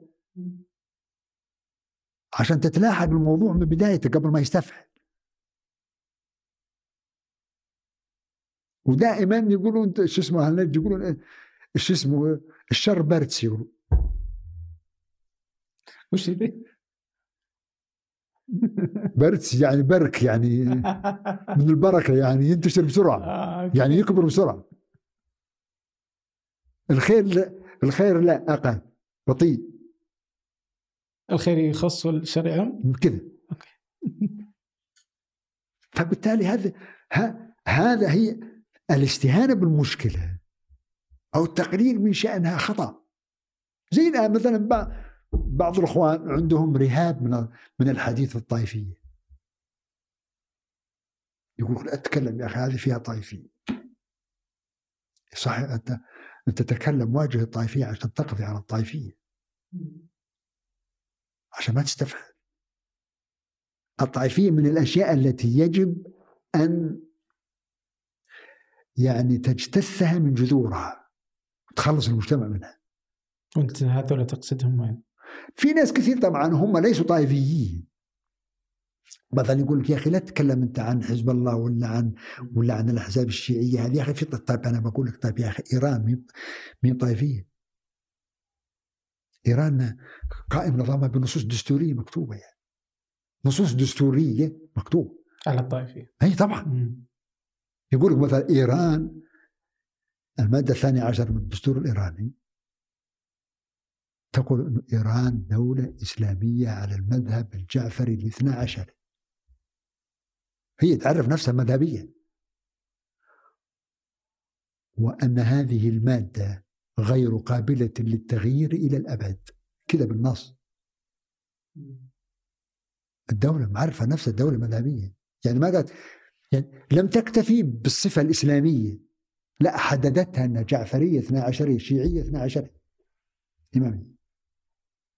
بعدين في المادة 72 لا تجيز لمجلس الشورى عندهم أن يمرر أي قانون يتعارض مع مبادئ المذهب الرسمي للدولة.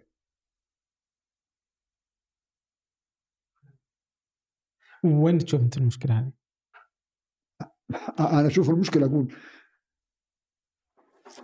يعني في رهاب من الحديث في الطائفية خوفا من الاتهام أنك طائفي آه.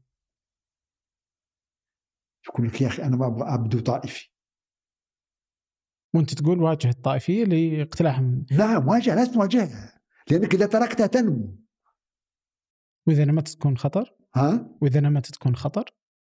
ما إحنا شفناها ما الذي دمر المنطقة؟ أكبر عامل دمر المنطقة هي الطائفية حاليا ولا لا؟ في العراق سوريا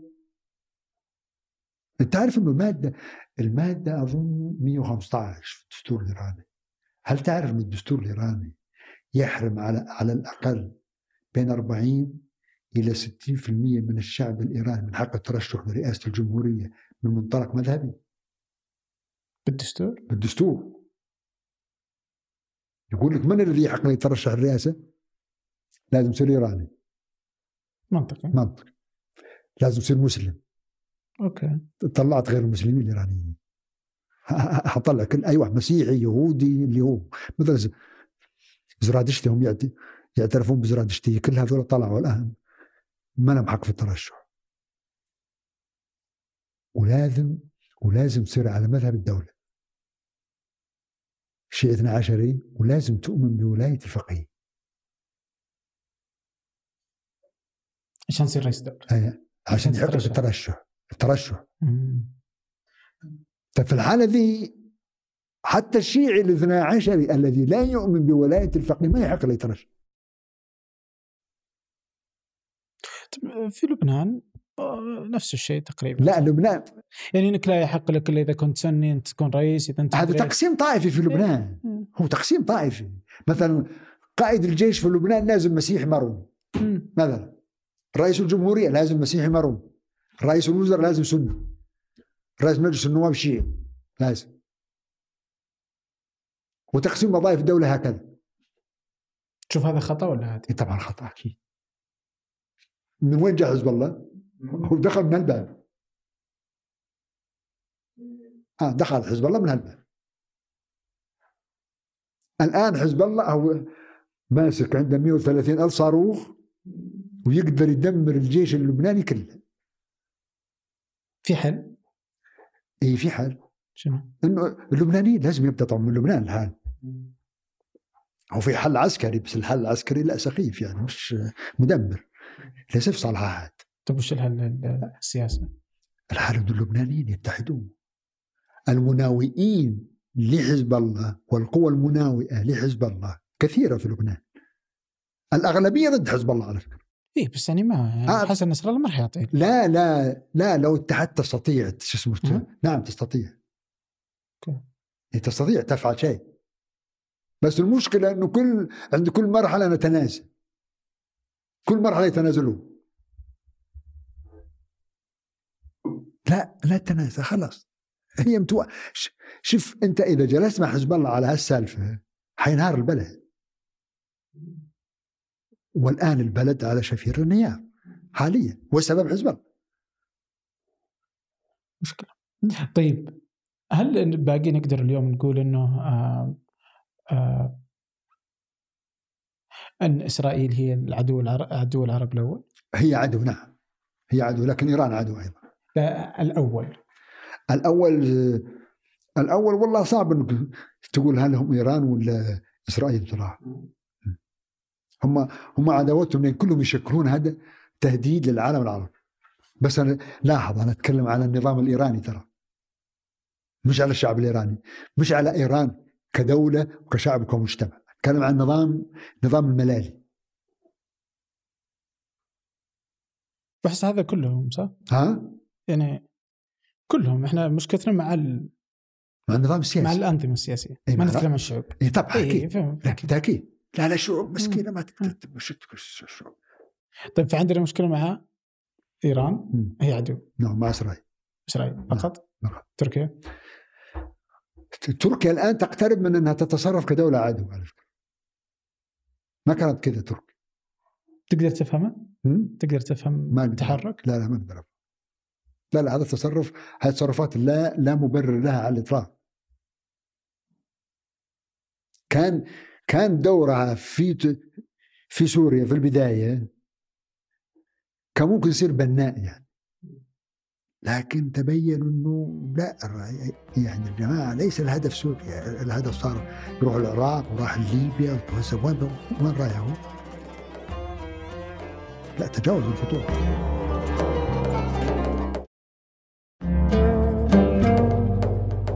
طيب ودي اخذك إلى إذا تسمح لي الحين إلى كذا سالفة اللي هي مهمة.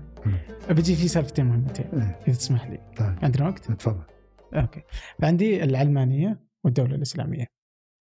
okay. فيقول مثلا وائل- وائل حلاق إنه آه، يستحيل من حيث المفهوم أن تتخذ الدولة الحديثة صفة إسلامية.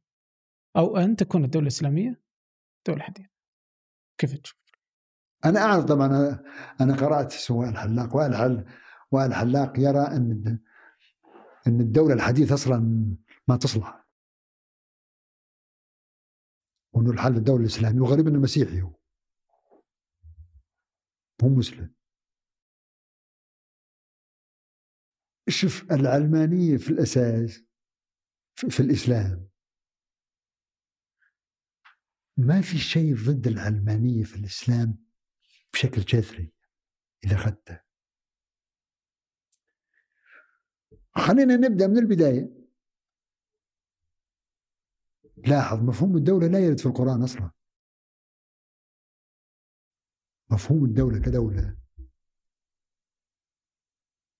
لا يرد في القرآن. خالص. ما له وجود إيش معنى هذا؟ إنها مسألة دينية. آه، دنيوية عفوا. أي أن الدولة ليست دينية. أصلا. وبالتالي متروكة للناس. واضح يعني. لأن لو كانت الدولة بهذه الخطورة الدينية لتطرق لها القرآن. لأعطى مثلا إرشادات حولها. لجاء ذكرها ذكرها ما يرد في القرآن. في السنة. ها؟ وفي السنة. اللي في السنة ما ورد شيء كثير حتى عن الدولة. ورد شيء عن القضاء وعن الحكم بين الناس. في يعني توزيع الأموال في الميراث في العلاقات المجتمعية في يعني في الميراث يعني نعم. يعني في جوانب اقتصادية جوانب الحرب متى تقوم متى تنتهي متى تهاجم. طيب ممكن يقول لك يعني هذه مبادئ. يعني الحربية يعني. إي بس هذه مبادئ موضوع عليك. هذه مبادئ موضوع عليك. أنت تبغاني مثلا أنا بيني وبين الآن مرحلة القرآن 1400 سنة. هذيك مبادئ وضعت في القرآن وفي السنة. هل معنى هذا أنه أنا ما أقدر أتجاوز تلك المرحلة بعد 1400 سنة أبقى هناك وطلع على تلك المبادئ ما غير شيء؟ لا بس ممكن آه، تنطلق منها. أنطلق منها وفي في أشياء ممكن أحذفها. بس هنا تبدو المشكلة صح؟ ها؟ تبدو هنا المشكلة. هي الم...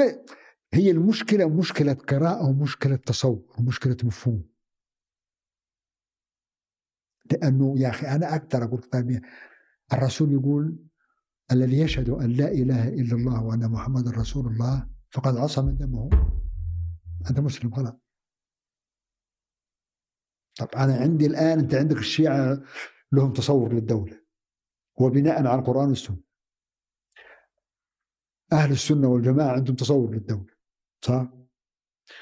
الصوفيون عندهم تصور. إنه ما ما يدخلون في الدولة أصلا. وكل هؤلاء يعتمدون على القرآن والسنة.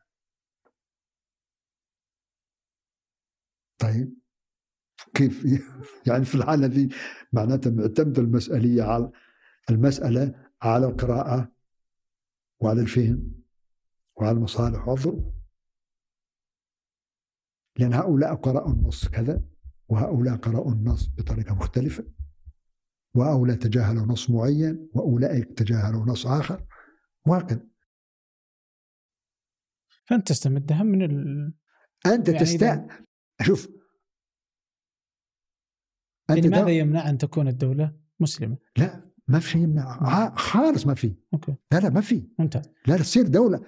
بس لاحظ الدولة العلمانية لا يعني أنها ليست مسلمة.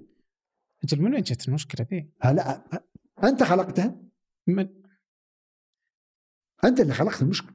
هي مش هي هي في الأساس ما في مشكلة.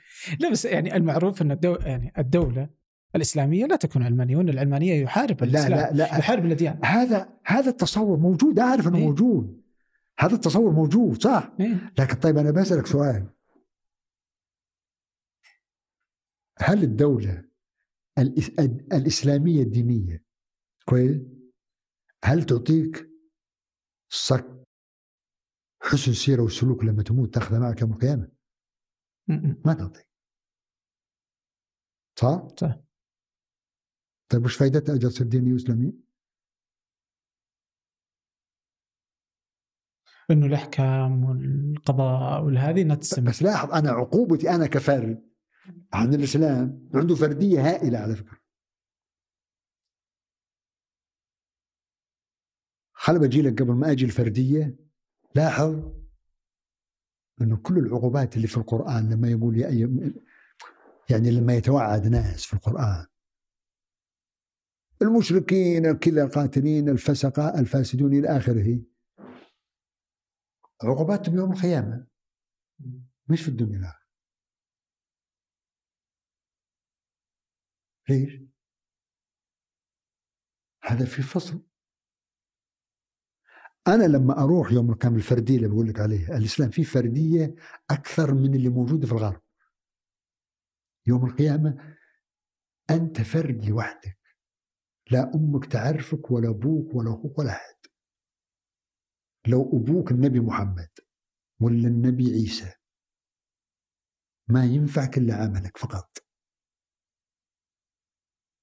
أنت بالحالك يوم القيامة لوحدك. تشيل كتابك معك. ما حد يقدر ينفعك. لو كل آبائك وأجدادك أنبياء. هذا ما ينفعك بشيء ينفعك وش وش سويت وش قلت بس. طيب الدولة لا تستطيع أن تساعدني في هذا الموقف. ما تقدر تعطيني شيء. كون الدولة لا تستطيع تنفعني يوم الآخرة معناته هذا فصل بين الدين والدولة أصلا لماذا الدولة ما تعطيك شيء؟ لأن الدولة معنية بالشأن الدنيوي فقط حسب تتوقف يتوقف دورها في إدارة الشأن الدنيوي نقطة في نهاية السطر ما في ما تقدر تسوي لك شيء في الآخرة طيب إيش مشكلة أن الدولة تكون مسلمة أو إسلامية؟ أنا أقول لك أنا قلت لك ما في مشكلة. ما في مشكلة. لا ما في مشكلة. لكن لكن الدولة المسلمة ممكن تكون علمانية أيضا. مم. أي ما هالنقطة طيب خلينا نعرف وش العلمانية؟ إذا هي ما هي فصل الدين عن الدولة وش تكون؟ هي فصل الدين عن الدولة هي. العلمانية هي فصل الدين عن الدولة. ممتاز. ما في كلام.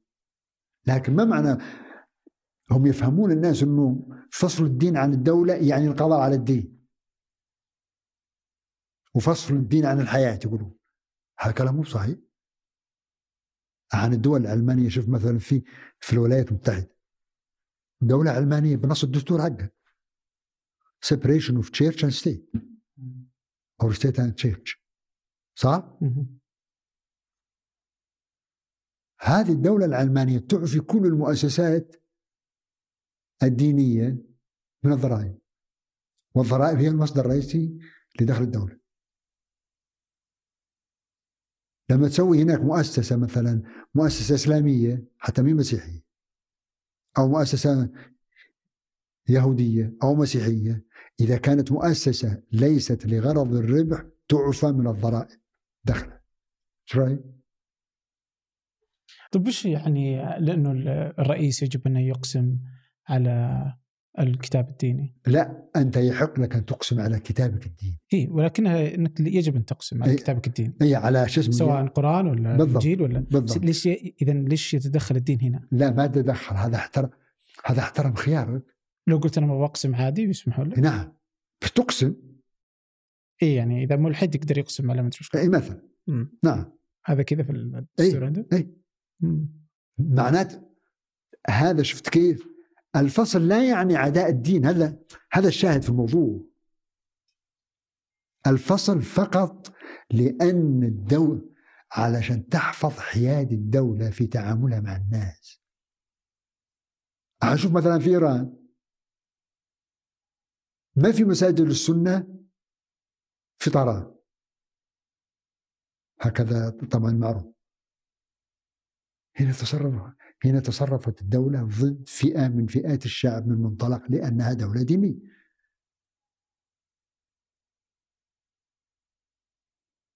لو في علمانية كان ما استطاعت الدولة تسوي هذا الشيء؟ طب مثلا برضه أتوقع ينطبق الكلام عندنا. مثلا المناهج سنية وفي ناس شيعة. نعم. صح؟ صح. ها؟ تمام. صحيح. فأنت المقصود بفصل الدين عن الدولة هو الحقيقة يعني الهدف من تحويل الدولة إلى دورها الحقيقي الوطني. وش؟ تحييدها يعني تحييد أنك مثلا يعني ما تتحيز ضد مك... أنت مثلا شيعي ولا سني ولا درزي ولا زيدي ولا مسيحي ولا مسلم. أنت تتحيز لجماعتك الدينية وتعطيها الأفضلية. وتضر بالناس الآخرين الذين لا ينتمون إلى مذهب الدولة.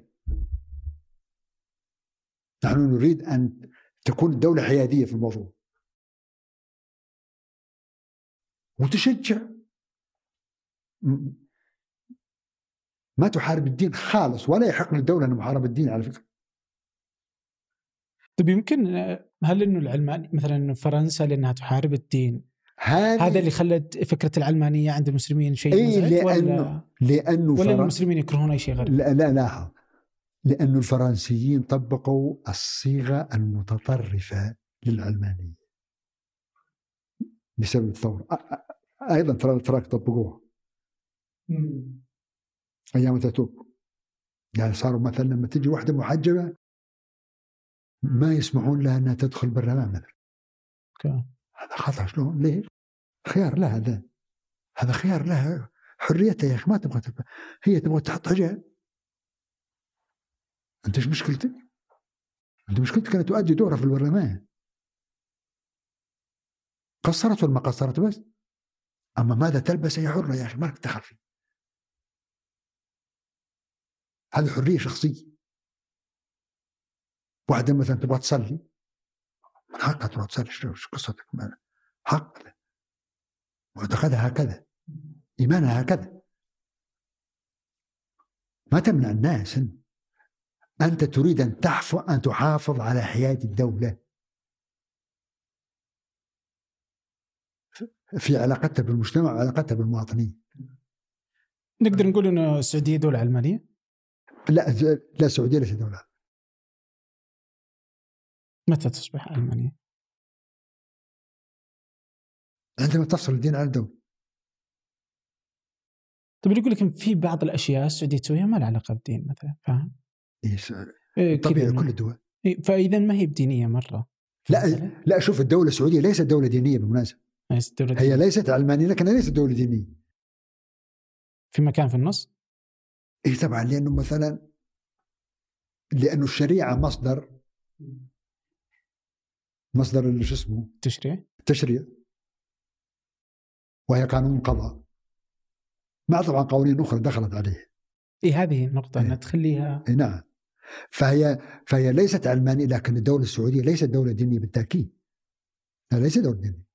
طيب يقول لك إنه خروج السعودية من عباءة الدولة الدينية. ما دخلت تحت العباء الد- بس انها كذا ما دخلت إنها تكتسب شرعيتها من بس لاحظ الدولة السعودية لم تدخل العباءة الدينية. ابدا. عباءة الدولة الدينية ما دخلت. يعني أحيانا ممكن تشبه هم الناس يقولون مثلا كان- في هيئة أمر بالمعروف. مثلا. والقضاء أيضا مسكنوا علماء الدين. رجال الدين. صحيح. لكن آه، عندنا الوزارات طيب كلها. الحكومة كلها مين دينية. البنوك المدري إيش بنو- لا الوزارات مؤسسات الدولة الحكومة رئيس الدولة الملك ولي العهد كلهم ليسوا صح دينيين. صح. لكن إنه ت- هذه دولة إسلامية وظهرت في بلد إسلامي. بلد مركز الإسلام مو بس فقط دولة بلد إسلامي. هو مركز الإسلام. ومن الطبيعي إن طبعا تصير عندها هذه الهوية هذه الهوية ال- الإسلامية. هي دولة إسلامية على فكرة الس- السعودية دولة إسلامية بامتياز لكنها ليست دولة دينية وليست دولة علمانيه هل ممكن تكون علمانيه وتبقى إسلامية إسلامية؟ نعم ما قلت لك هالكلام إيه. من اول نعم. طيب واللي يقول لك إنه ممكن تفقد بما إنها قامت على دعوة دينية فإنها تفقد شرعيتها حتفقد شرعيتها عند عند المتطرفين ممكن نعم بس إن هذا هذا هذا موضوع طويل يبغى طب يعني لا تستطيع أن تجعل من الدولة علمانيه هكذا طبعا خطأ لا العمل عملية عمليه. يعني عملية بناء.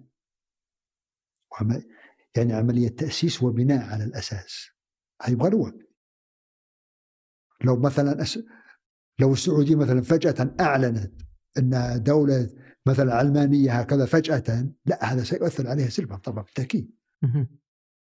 طيب نتذكر آه ودي هنا برجع لك شوي كذا للتاريخ. اتذكر فيه آه مع الدكتور عبد الرحمن الشقير في حلقة سابقة. كان يقول إنه الدولة السعودية إنها قامت أصلا قبل دعوة الشيخ محمد الوهاب إنه كانت في دولة سابقة.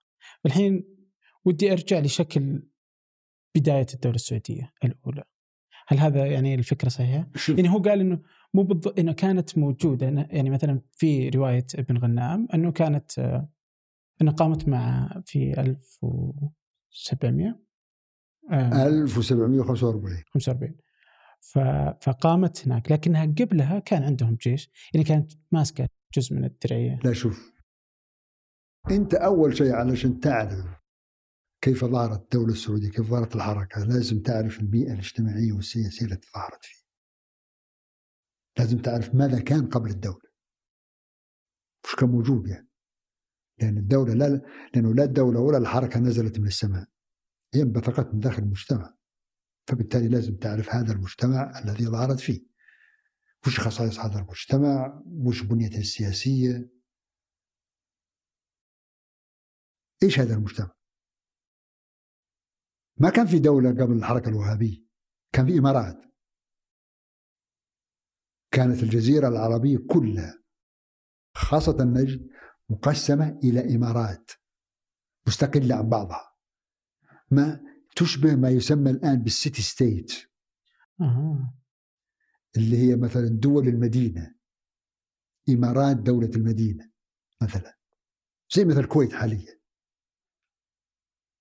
فكانت إمارات كل نجد كل الجزيرة تقريبا.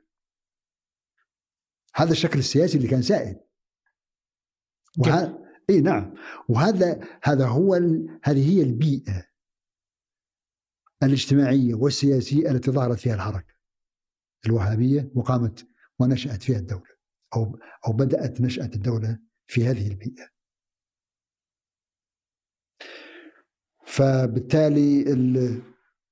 طبعا تعرف السائد عندنا في التاريخ إنه والله الشرك هو كان سبب ظهور الحركة الوهابية.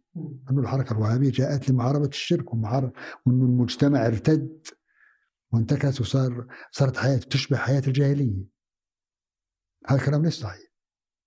ليس صحيحا على الإطلاق. وليس هناك ما يسنده ابدا. حتى ف وفي المصادر التاريخية المحلية النجدية نفسها. طيب أنا بقرأ لك مثلا النص. هنا يقول ابن غنام آه كان الناس في زمان الشيخ متخمين بالأرجاس متلطخين بوضر الأنجاس حتى قد انهمكوا آه الشرك بعد حلول سنة المطهرة بالأرماس ونبذوا كتاب الله تعالى وراء ظهورهم فعادوا إلى عبادة الولاء الأولياء والصالحين وخلفوا ربقة التوحيد والدين وأقبلوا عليهم الأولياء. في طلب الحاجات وتفريج الشدائد والكربات إلى آخره. طيب. فيعني هذا المشهد لاحظ. غير غير من يعني أنت إذا لاحظ لاحظ يعني أنت متخيل المشهد؟ لا أنا أعرف المشهد هذا. واعرف المقطع هذا. دقق معي فيه. ما في معلومات. رأي. وشلون كنت تبغى المعلومة مثلا؟ في مثلا نبذوا كتاب الله تعالى وراء ظهورهم كيف تعرف إنه نبذ ليش كان في ليش ما كان في ما كان في إلا علماء حنابلة؟ في نجد العلماء الحنابلة والمساجد والمطاوعة هذول شو يسوون؟ أعطيني مثال خلي يعطيني معلومة مثال على شيء صاير يعني. يقول مثلا في المكان الفلاني كان يصير كذا. مثلا يقول لي نجد ما فيها مثلا مساجد مثلا. اعطيني معلومه يقول مثلا ما في مساجد. هذول وين يصلوا فيه؟ يصلوا في بيوتهم معناته ولا ما يصلون أبد. صح؟ أو ممكن أنهم يصلون ولكنهم يشركون بالله. أو يتعبدون أي. الأولياء أو يتقربون قربان. أي بس لا يعني هذا. لا بس أنت أعطيني معلومة لا تعطيني رأي. الرأي الرأي ممكن نسفه بسهولة بس المعلومة ما أقدر أتعامل معها خلاص. المعلومة يا صح يا خطأ ما في شيء ثاني في الوسط وجوده يعني ذكر أسماء أنا عارف. شوف هل تعرف أنه كل المدونات التاريخية التي طلعت في نجد كتابة نجديين كويس؟ التي كتبت قبل الشيخ محمد بن عبد الوهاب قبل الحركة وأثناء الحركة وبعد الحركة. ما فيها ولا واحد يشير إلى وجود الشرك. والذين كتبوها منهم رجال دين. يعني ما كتب واحد علماني ليبرالي مثلا.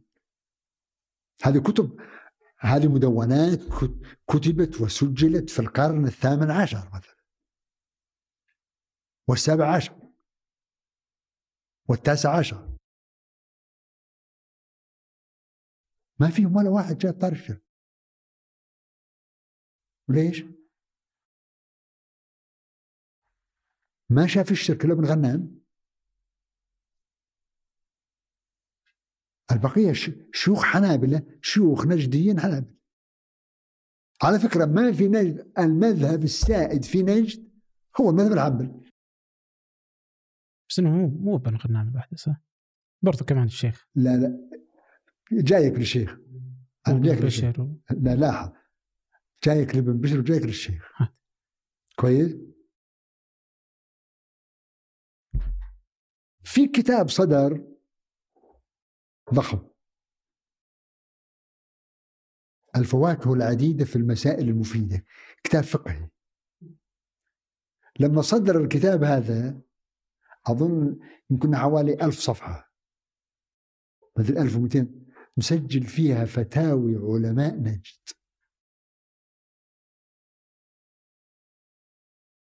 هل تصور أنه هذا الكلام لما لما انتهى المؤلف أحمد المنقور من هذا الكتاب كان عمر الشيخ محمد بن عبد الوهاب عشر سنوات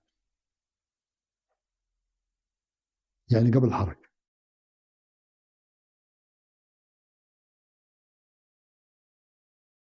كتاب من حوالي ألف ألف ومئتين صفحة ما فيه ولا ذكر للشرك ليش؟ إيش معناته؟ حسب كلام ابن غنام الله يرحمه الشرك يشوفها العمى من كثرة. منطقيا بالوصف هذا. بالوصف هذا إيه؟ بالوصف هذا يعني العميان يشوفه. إيه. صح ولا لا؟ صحيح. ما تقدر تجاه طيب ليه؟ لماذا هذه الصورة ليست موجودة إلا عند من غنام ومبشر خاصة من غنام. المشايخ الثانيين.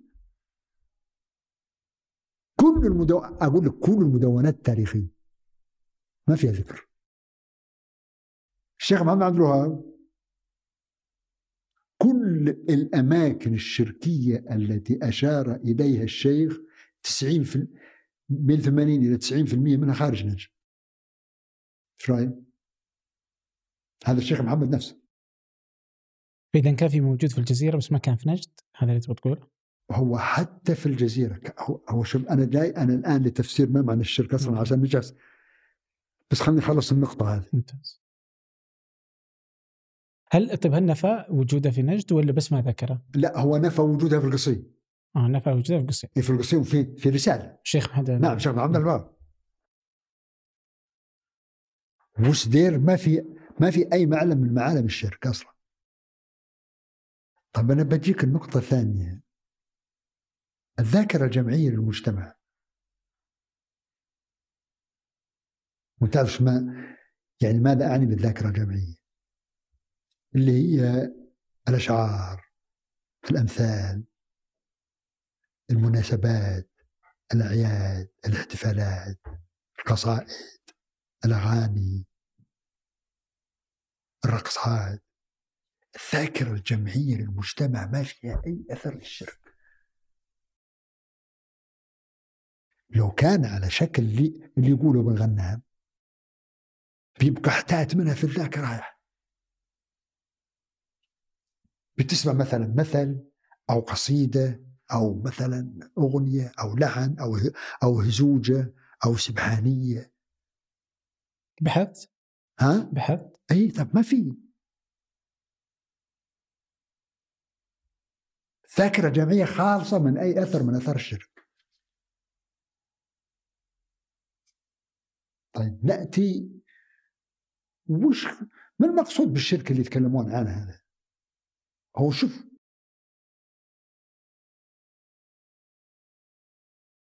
على زمن الشيخ أغلب المجتمع النجدي وأغلب المجتمع في الجزيرة العربية كانوا بدو صح؟ بدو رحل البدو الرحل عندهم وقت للشرك؟ ما عندهم وقت.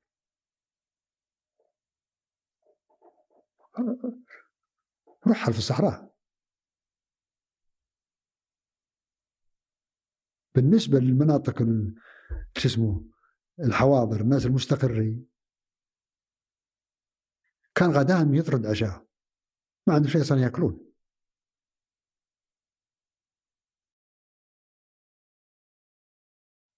لازم نفرق بين نوعين من الشرك. أنا سويت التمييز هذا. هناك الشرك المؤسساتي وهناك الشرك الثقافي.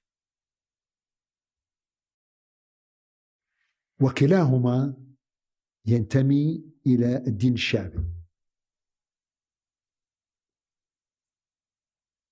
الشرك المؤسساتي هو دين شعبي لكن يحتاج مؤسسات زي الأضرحة زي المزارات زي القبور. وهذه ما جابوا منها مثال إلا يقولون قبر زيد بن الخطاب في الجبيل هنا. مثال واحد. وهذه المؤسسات تحتاج شيئين مهمين بدون لا يمكن تنمو موجودة. تحتاج رأس مال. تحتاج مرجعية دينية. الشرك سبحان الله في نجد ما له أي مرجعية دينية. كيف تصير ظاهرة دينية ما لها مرجع ديني. إحنا مثلا في العراق؟ المزارات في العراق. والمشاهد الموجودة في العراق روح شوف حجم المؤسسة البيروقراطية حقتها وشوف حجم العلماء الذين وراءها ونفس الشيء في مصر ونفس الشيء في المغرب ونفس الشيء في, يعني في كل مكان. هذا ما موجود هنا. كلهم علماء مثل الشيخ محمد بن عبد الوهاب مرجعيتهم ابن تيمية. كيف تقول في الشرك وين الشرك؟ فيش؟ في مثلا أمثلة هي محصورة في العارض وأمثلة ستة سبعة ثمانية يمكن. يقولون شجرة في العينة وقبر زيد بن الخطاب وغار في الدرعية وما أدري كذا واحد صوفي أظن كذا في في في الرياض. كم واحد صوفي مثلا في الرياض والخارج. هذه الأمثلة اللي عنده هذول على فكرة الأمثلة التي يأتي بها ابن غنام لا تتجاوز ثمانية. ارجع الكتاب. الأمثلة الشركية التي صورها هنا ما جاب منها ابن غنام إلا ثمانية. إيش رأيك؟ هو نفسه. ولذلك تجد كل كلام ابن غنام كله وصف ورأي ما في معلومات. خالي من المعلومات. طيب إذا افترضنا إنه مثلا ابن غنام يعطيها هذا السجع ابن بشر يوم أخذها هل أعطاها شكلها المعلومات نفس الشيء ابن بشر ما اعطى ولا مثال. أه؟ ما اعطى ولا مثال. يعطي مثال يقول إنه مثلا أحيانا يجون البدو يعالجون الناس. أوكي. يقولون إنك عشان تطيب لازم تذبح خروف أسود قرونه كذا عند صفه المغرب هذا هذه الثقافة شوف الشرك الثقافي منتشر. لا. الشرك المؤسساتي هو اللي تقريبا مو موجود أو محدود جدا. الشرك الثقافي وشو؟ الشرك الثقافي هو الخرافات السحرة الخزعبلات الإيمان بالأشياء العجائبية هذه. هذا هذا منتشر. هذا منتشر قبل الشيخ محمد عبد الوهاب ومنتشر في زمن الشيخ محمد عبد الوهاب ومنتشر إلى الحين. وش الحين مثلا؟ هذا حاليا نفس الشيء يروحون يزورون؟ يعني تعرف أحيانا ما في يطلع بير يقول يعتقدون إن البير هذا يشفي مثلا. أو يعتقدون مثلا بساحر فلاني. أو يعتقدون بشخص واحد مثلا عنده عنده رقى أحسن من غيره مثلا. وهذه موجود. بس هذه لا تفسر ظهور الحركة. تعرف ليش؟ لأن هذه يسمونه في العلم هذا هذا متغير أو عامل ثابت. ما تغير طول الوقت موجود. طيب هذا مستحيل اللي يقصده ابن غنام مستحيل. إيه طبعا ما في. إنه الشرك. الثقافي. ما في. لا لا الشرك الثقافي موجود. فما هو بهذا اللي يقصده؟ تتوقع؟ ما أدري وش اللي يقصد. إذا ما هو ب... شوف إذا كان هو يقصد هذا إيه. بس الناس هو يقول لهم حط حطوا الكتاب على ظهورهم. لا الناس ما حطوا الكتاب على ظهورهم. حتى اللي منغمسين في الشرك الثقافي ما وضعوا الكتاب خلف ظهور. ما وضعوا. يا أخي ما كان موجود. سبحان الله كيف هذا المجتمع اللي ما فيه إلا رجال دين ولا يعرفون إلا التعليم الديني في في تلك المرحلة؟ ما فيه إلا رجال دين وتعليم ديني؟ وشلون يصير؟ الصورة التي يرسمها ابن غنام معناته ما في رجال دين أصلا. هذا هذا ما هذا معنى صورته. يقول الناس وضعوا الكتاب وراء ظهوري شو معناته ذي؟ معناته ما في علماء صح؟ معناته الناس خلاص يعني خلاص ما عاد يقرون القرآن. ولا يتعلمون القرآن. ولا في تعليم ديني. ولا في مساجد. لكن هذا كلام مو منطق. كان كان في مساجد وكانت الناس لا تعرف أصلا إلا الدين أصلا لا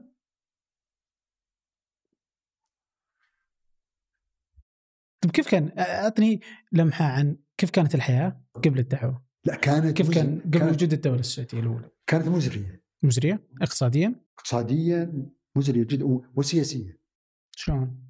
في عدم استقرار سياسي في هذه الإمارات منتشره فيها ظاهرة الاغتيالات والقتل والحروب والمجاعات بسبب الجفاف. في جفاف يضرب منطقة الجزيرة العربية دوريا. إحنا ما نحس فيه بالتالي بسبب مياه التغذية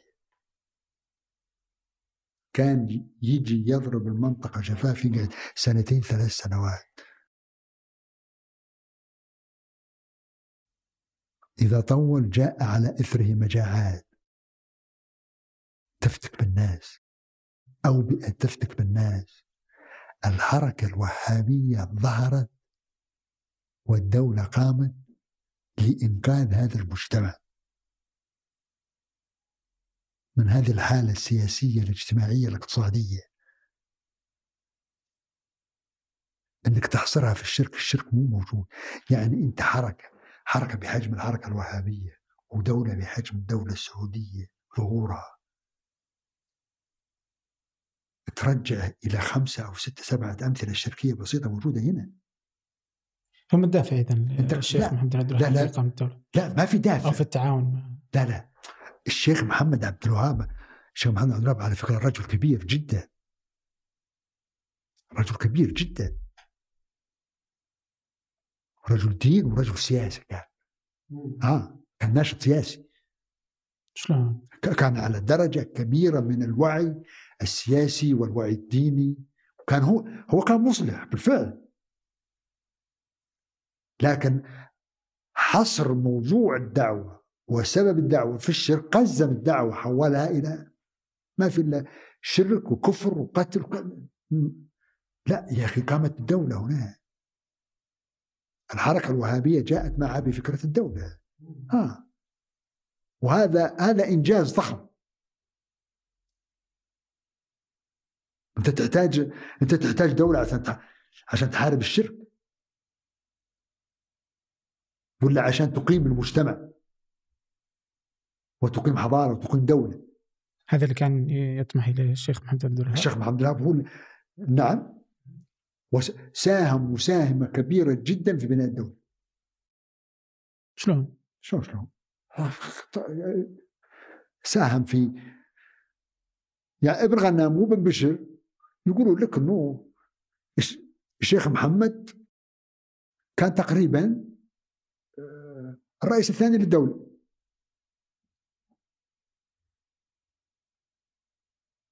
كان هو اللي يشتغل مع الجيوش و- ويمول الجيوش وعنده زكاة وعنده المالية و... بالتعاون طبعا مع محمد بن سعود الرئيس. محمد محمد بن سعود يعني لما يقول لك إنه هو المؤسس محمد بن سعود بالفعل هو المؤسس الأول. اثنين اجتمعوا الحقيقة شخصيتين كبيرتين جدا. اللي محمد بن سعود ومحمد عبد الوهاب. وطبعا لولا موافقة لولا محمد بن سعود كان ما نجح محمد بن الوهاب أصلا. لأنه أنت عندك مثلا راح مع راح مع ابن معمر وتخلى عنه ابن معمر ولذلك ذهب للدرعية. فأقصد أنت أمام تشكل دولة. أنت أمام مشروع قيام دولة. ما في داعي تقزمها وتقصرها وتخليها في قصة شرك عامل واحد ديني صغير. وفي الأخير ما له وجود عندي أنا في التاريخ ما اشوفها أنت قزمت الدولة قزمت الحركة. المشروع أكبر من كذا من هو أنت اللي تقصد؟ ها؟ من هو أنت؟ أقصد أنت الذي كتب هذا التاريخ بهذه الصيغة. كيف تكتب يعني تختزل التاريخ في عامل أول شيء عامل آه، شو اسمه؟ صغير. اسمه الشرك. ثانيا يا الله ما في مؤشرات على الشرك اللي تقول عليه أنت هذا عليه أنا ما شفت الدولة ح...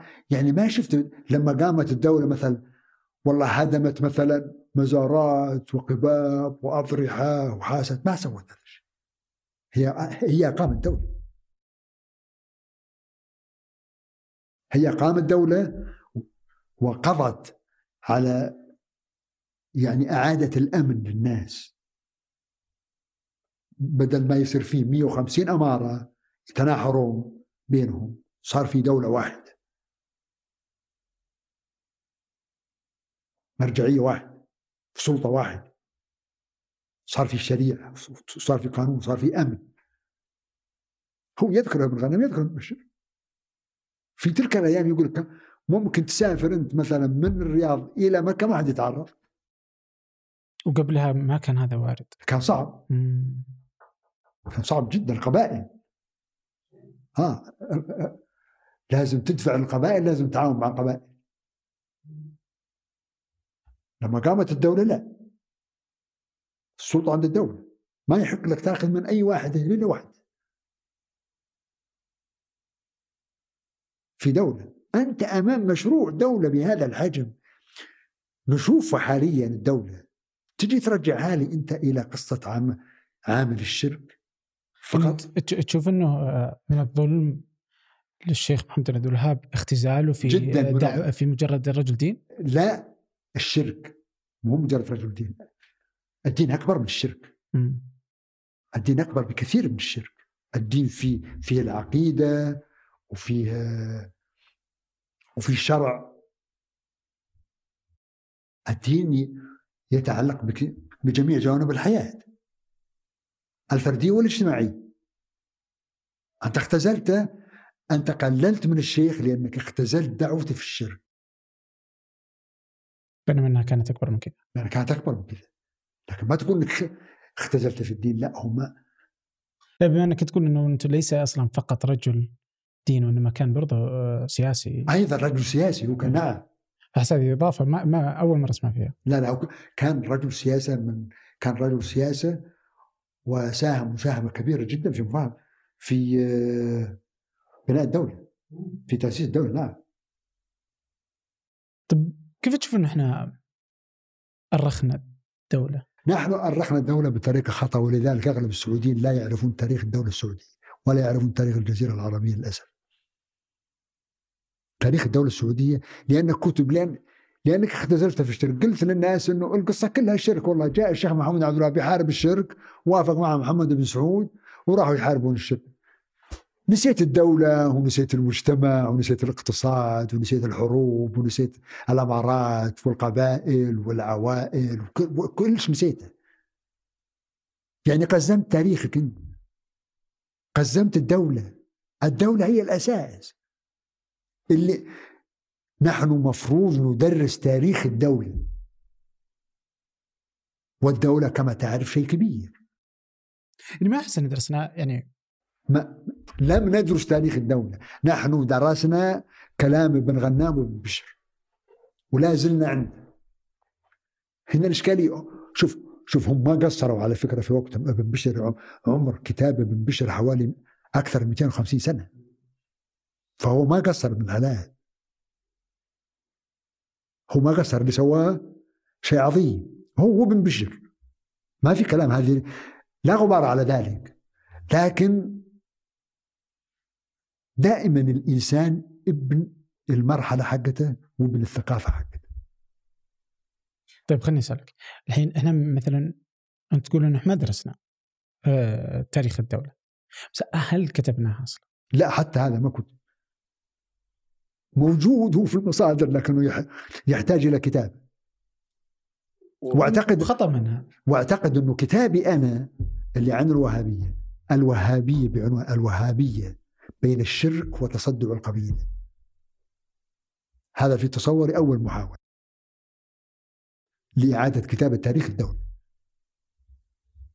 ويجب أن تكون هناك مجهودات تكون مجهودات هذه مجهودات مراكز أبحاث وجامعات.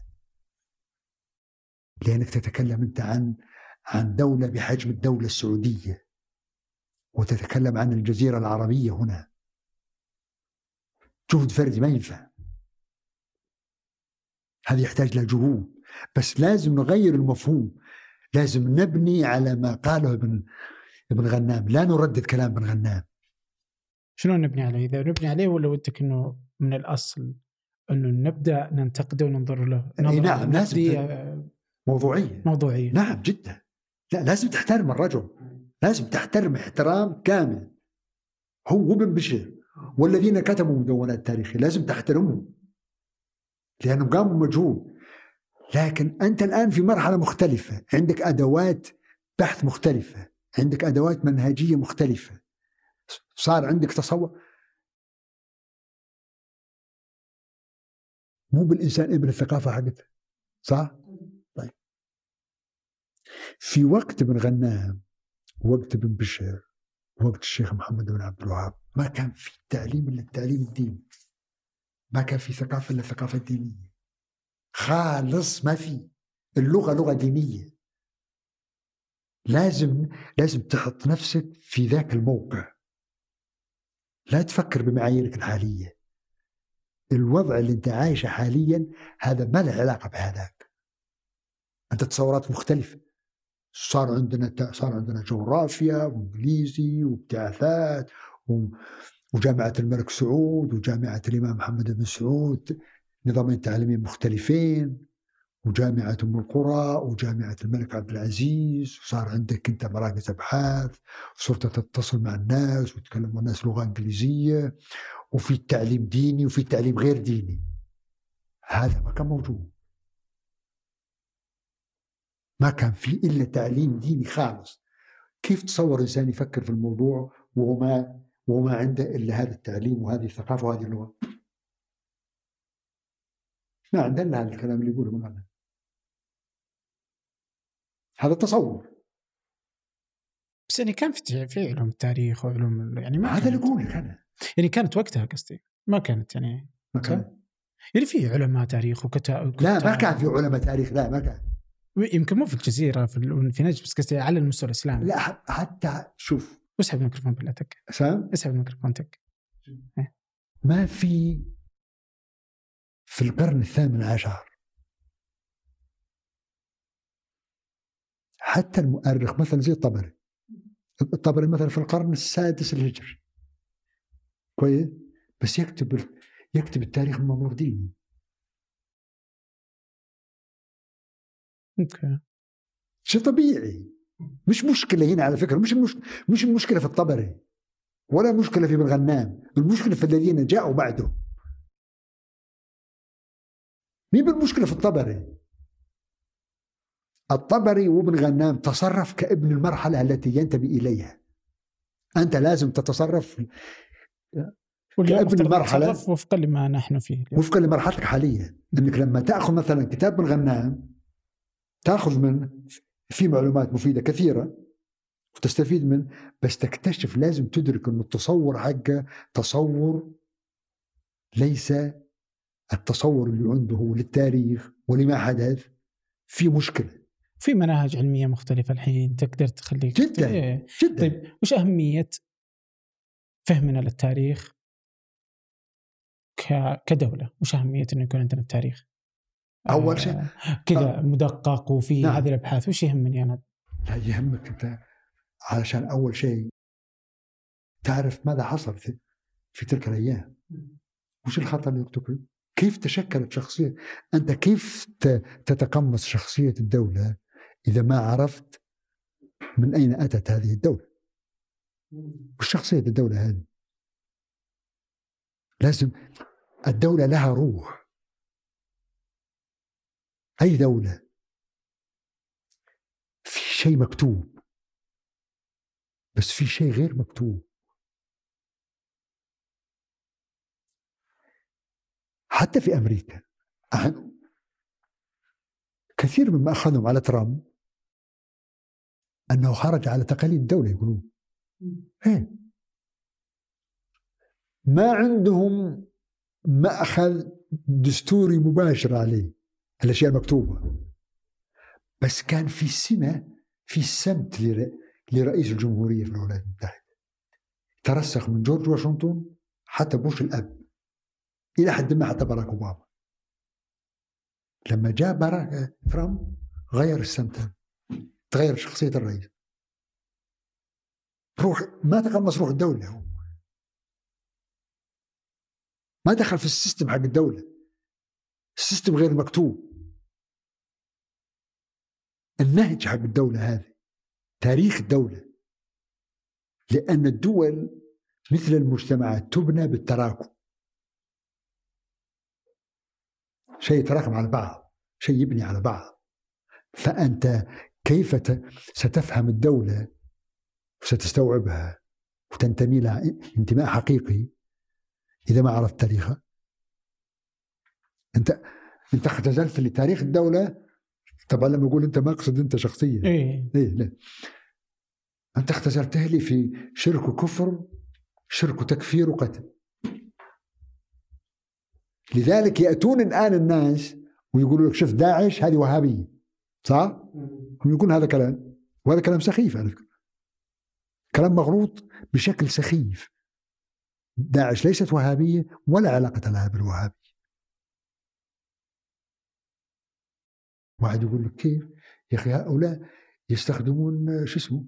كتب الشيخ محمد عبد الوهاب. طيب أنا إذا كتبت شيء وجاء عبد الرحمن واستخدمه بطريقته أنا مسؤول عنه؟ من المسؤول عنه استخدم بطريقة خطأ هو استخدم بطريقة خطأ. عاتبه هو. ثانيا داعش طلعت في بيئة وهابية ولا طلعت في الشام والعراق؟ آه، ولا ما طلعت في البيئة الوهابية إذا كانت وهابية طيب؟ ثالثا ما داعش تستخدم شو اسمه؟ صحيح البخاري. وتستخدم القرآن.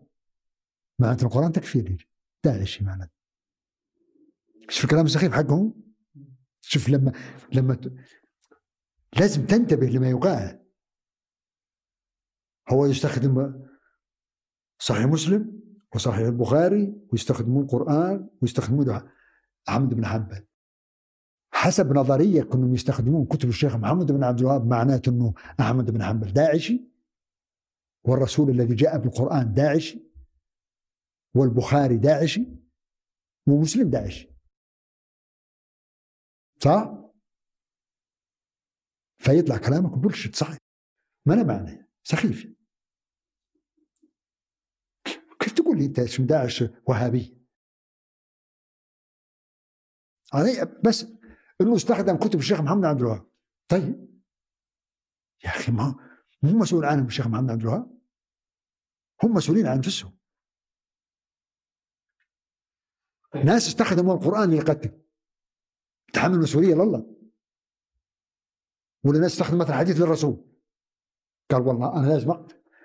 لازم اقتلك لأن الرسول قال كذا ترجع تحمل حتى اللي يقتلون مثلا زي المسيحيين والكي كي كي نفس الشيء. يعني كل المفاهيم نفس هذه القصة. المفترض إنه ما نفس الدندره إيه. طيب بس يوم انت اصدرت كتابك وش كانت أبرز ال- المآخذ عليه؟ ما أدري والله ما قيل لي بس يبدو لي لأنه كتاب يعني إذا مختلف جالسين نشوف ما في مشكلة. أنت ما أنت جالس. يعني اللهم إنك تطالب بمزيد من آه، الأبحاث وكتابة التاريخ للدولة.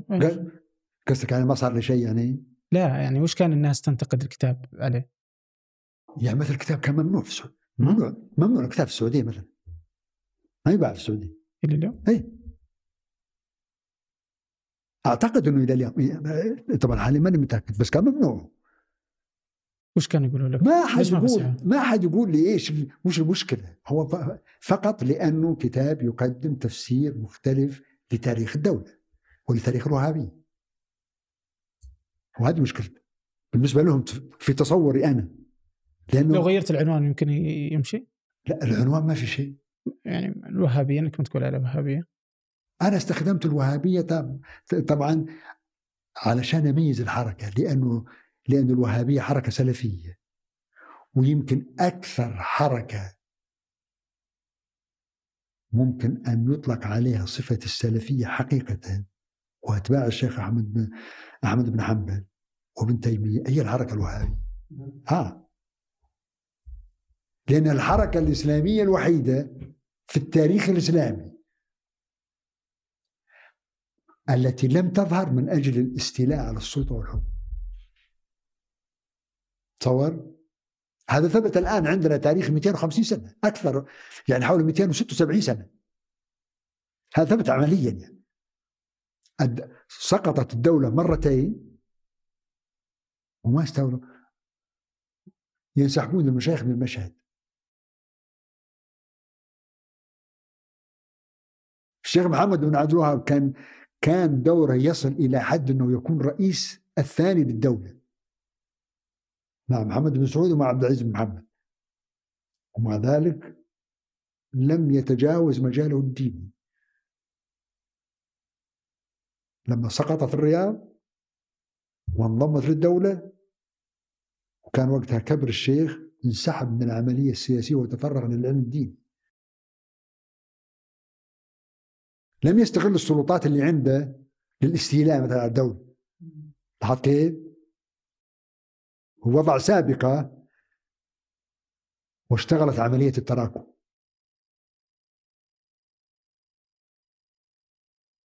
لذلك لما سقطت الدولة انسحبوا المشايخ. مشايخ الوهابية لا يغادرون مجالهم الديني. ولذلك هي حركة سلفية حقيقية. ليست تمثيل أنا استخدمت الوهابية عشان أميزهم عشان أعطيهم اسم. ما عندي اسم لأنه حركات سلفية تعرف كثيرة. وتشوف إنه مفترض ان هذا ما ما يزعل. المفروض ما يزعل. الحساسية ما هي. لا. يعني حساسية مفرطة. بالعكس أنا أبغى أعطي هذه هذا المفهوم معنى إيجابي. آه لأن المعنى اليوم هو المعنى الغربي السلبي. نعم. على الوهابي وأنت تريد أن تعيد المعنى الإيجابي لهذه لهذا المفهوم. لأن الحركة الوهابية هل تصدق أن الحركة الوهابية هي هي التي أدخلت الجزيرة العربية العصر الحديث؟ امم نعم. إيش رايك؟ هي التي جاءت بفكرة الدولة. ف وهي اللي خلقت الكيان السياسي الكبير هذا التحالف بالضبط اللي سواه التحالف بين محمد بن عبد الوهاب ومحمد بن سعود. خلق هذا الكيان السياسي وجعلك مهيئا لدخول العصر.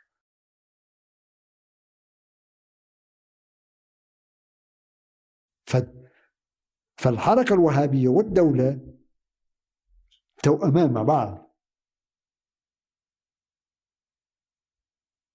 هم اللي دخلوك العصر الحالي جعلوك ممكن إنك تتفاهم وتدخل العصر. تتصور لو بقيت على 150 إمارة في نجد بس فقط. لما قامت الدولة السعودية. مثلا إيه إيه نعم. تصور إن هذا الوضع بقي ومن المخجل إذا تراها إنه أخذ في شكل الشركيات فقط جدا. و... جدا. مخجل إنك تختزل الحركة الوهابية وتختزل تاريخ الدولة وتهمش تاريخ الدولة وتجلس تركز لي أنت على الشرك وهذا الشرك اولا. حتى لو افترضنا إن الشرك صحيح.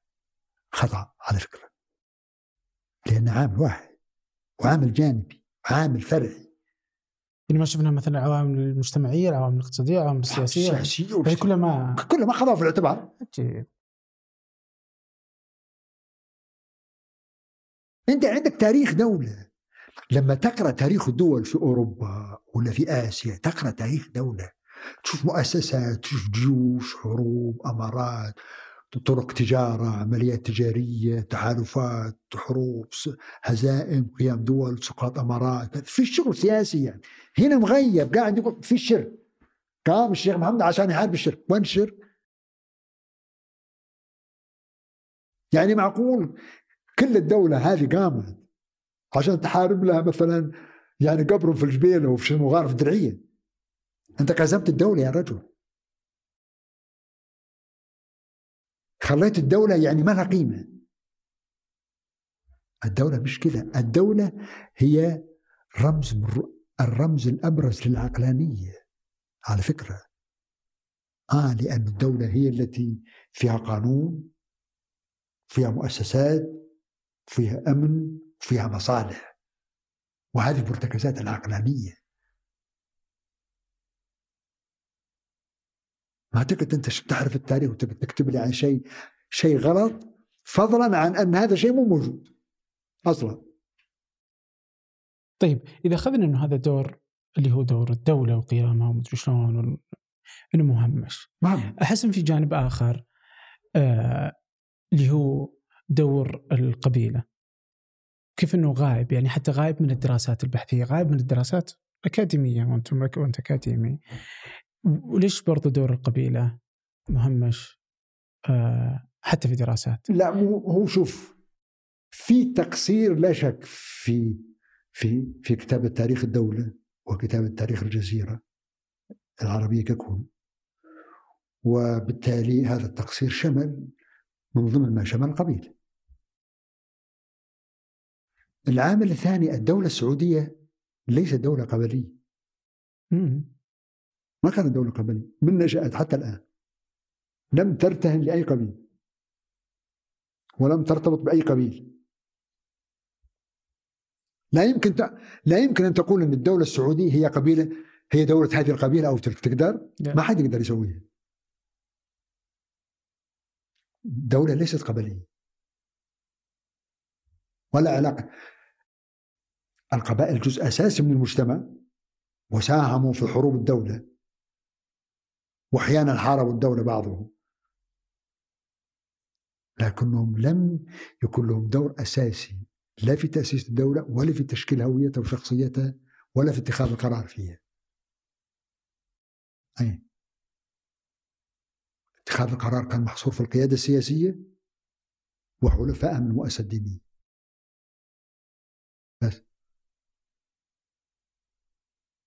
وحتى يعني حتى المؤسسة الدينية ترى من طبائع الأمور دورها يتراجع مع الوقت دائما. هذا الطبيعي. هذا طبيعي. نعم. أي دولة تقوم نتيجة تحالف مع حركة أيديولوجية في البداية تكون الحركة الأيديولوجية قوية جدا. ثم تبدأ الدولة تتضخم وتكبر وحتى تلتحق المؤسسة شو اسمه الحركه الدينيه تتحول إلى مؤسسة من مؤسسات الدولة. وأنه هذا القبيلة و... وعدم وجودها في تكوين المجتمع أو حتى الدراسات الأكاديمية في المجتمع وانتعزوا هم هم من المفترض دراسة تاريخ القبائل وهجرات القبائل لأن هجرات القبائل هي المصدر الاساسي لتشكل المدن والمجتمعات والحواضر التي نشأت فيها الدولة. الدولة لا تنشأ إلا في بيئة حضرية ما تنشأ في بيئة في بيئة بدوية مثلا. هذه الحواضر التي نشأت والمدن التي نشأت في الجزيرة العربية هي نتيجة هجرات وحركة الناس بما فيهم القبائل فبالتالي لابد أنك أنك تدرس هذه العملية باعتبار أنها المصدر الأساسي لتشكل المدن ثم قيام الدولة. هذا ضروري. طيب ومن الضروري إني انهي عشان تلحق تتعشى. الله يعطيك العافية. شكرا دكتور شكرا لكم شكرا للإعداد سحر سليمان خلف آه، التصوير والتحرير الوليد العيسى وفي الهندسة الصوتية محمد الحسن وفي إدارة إذاعة ثمانية ثمود بن محفوظ. هذا فنجان أحد منتجات شركة ثمانية للنشر والتوزيع. الأسبوع المقبل نلقاكم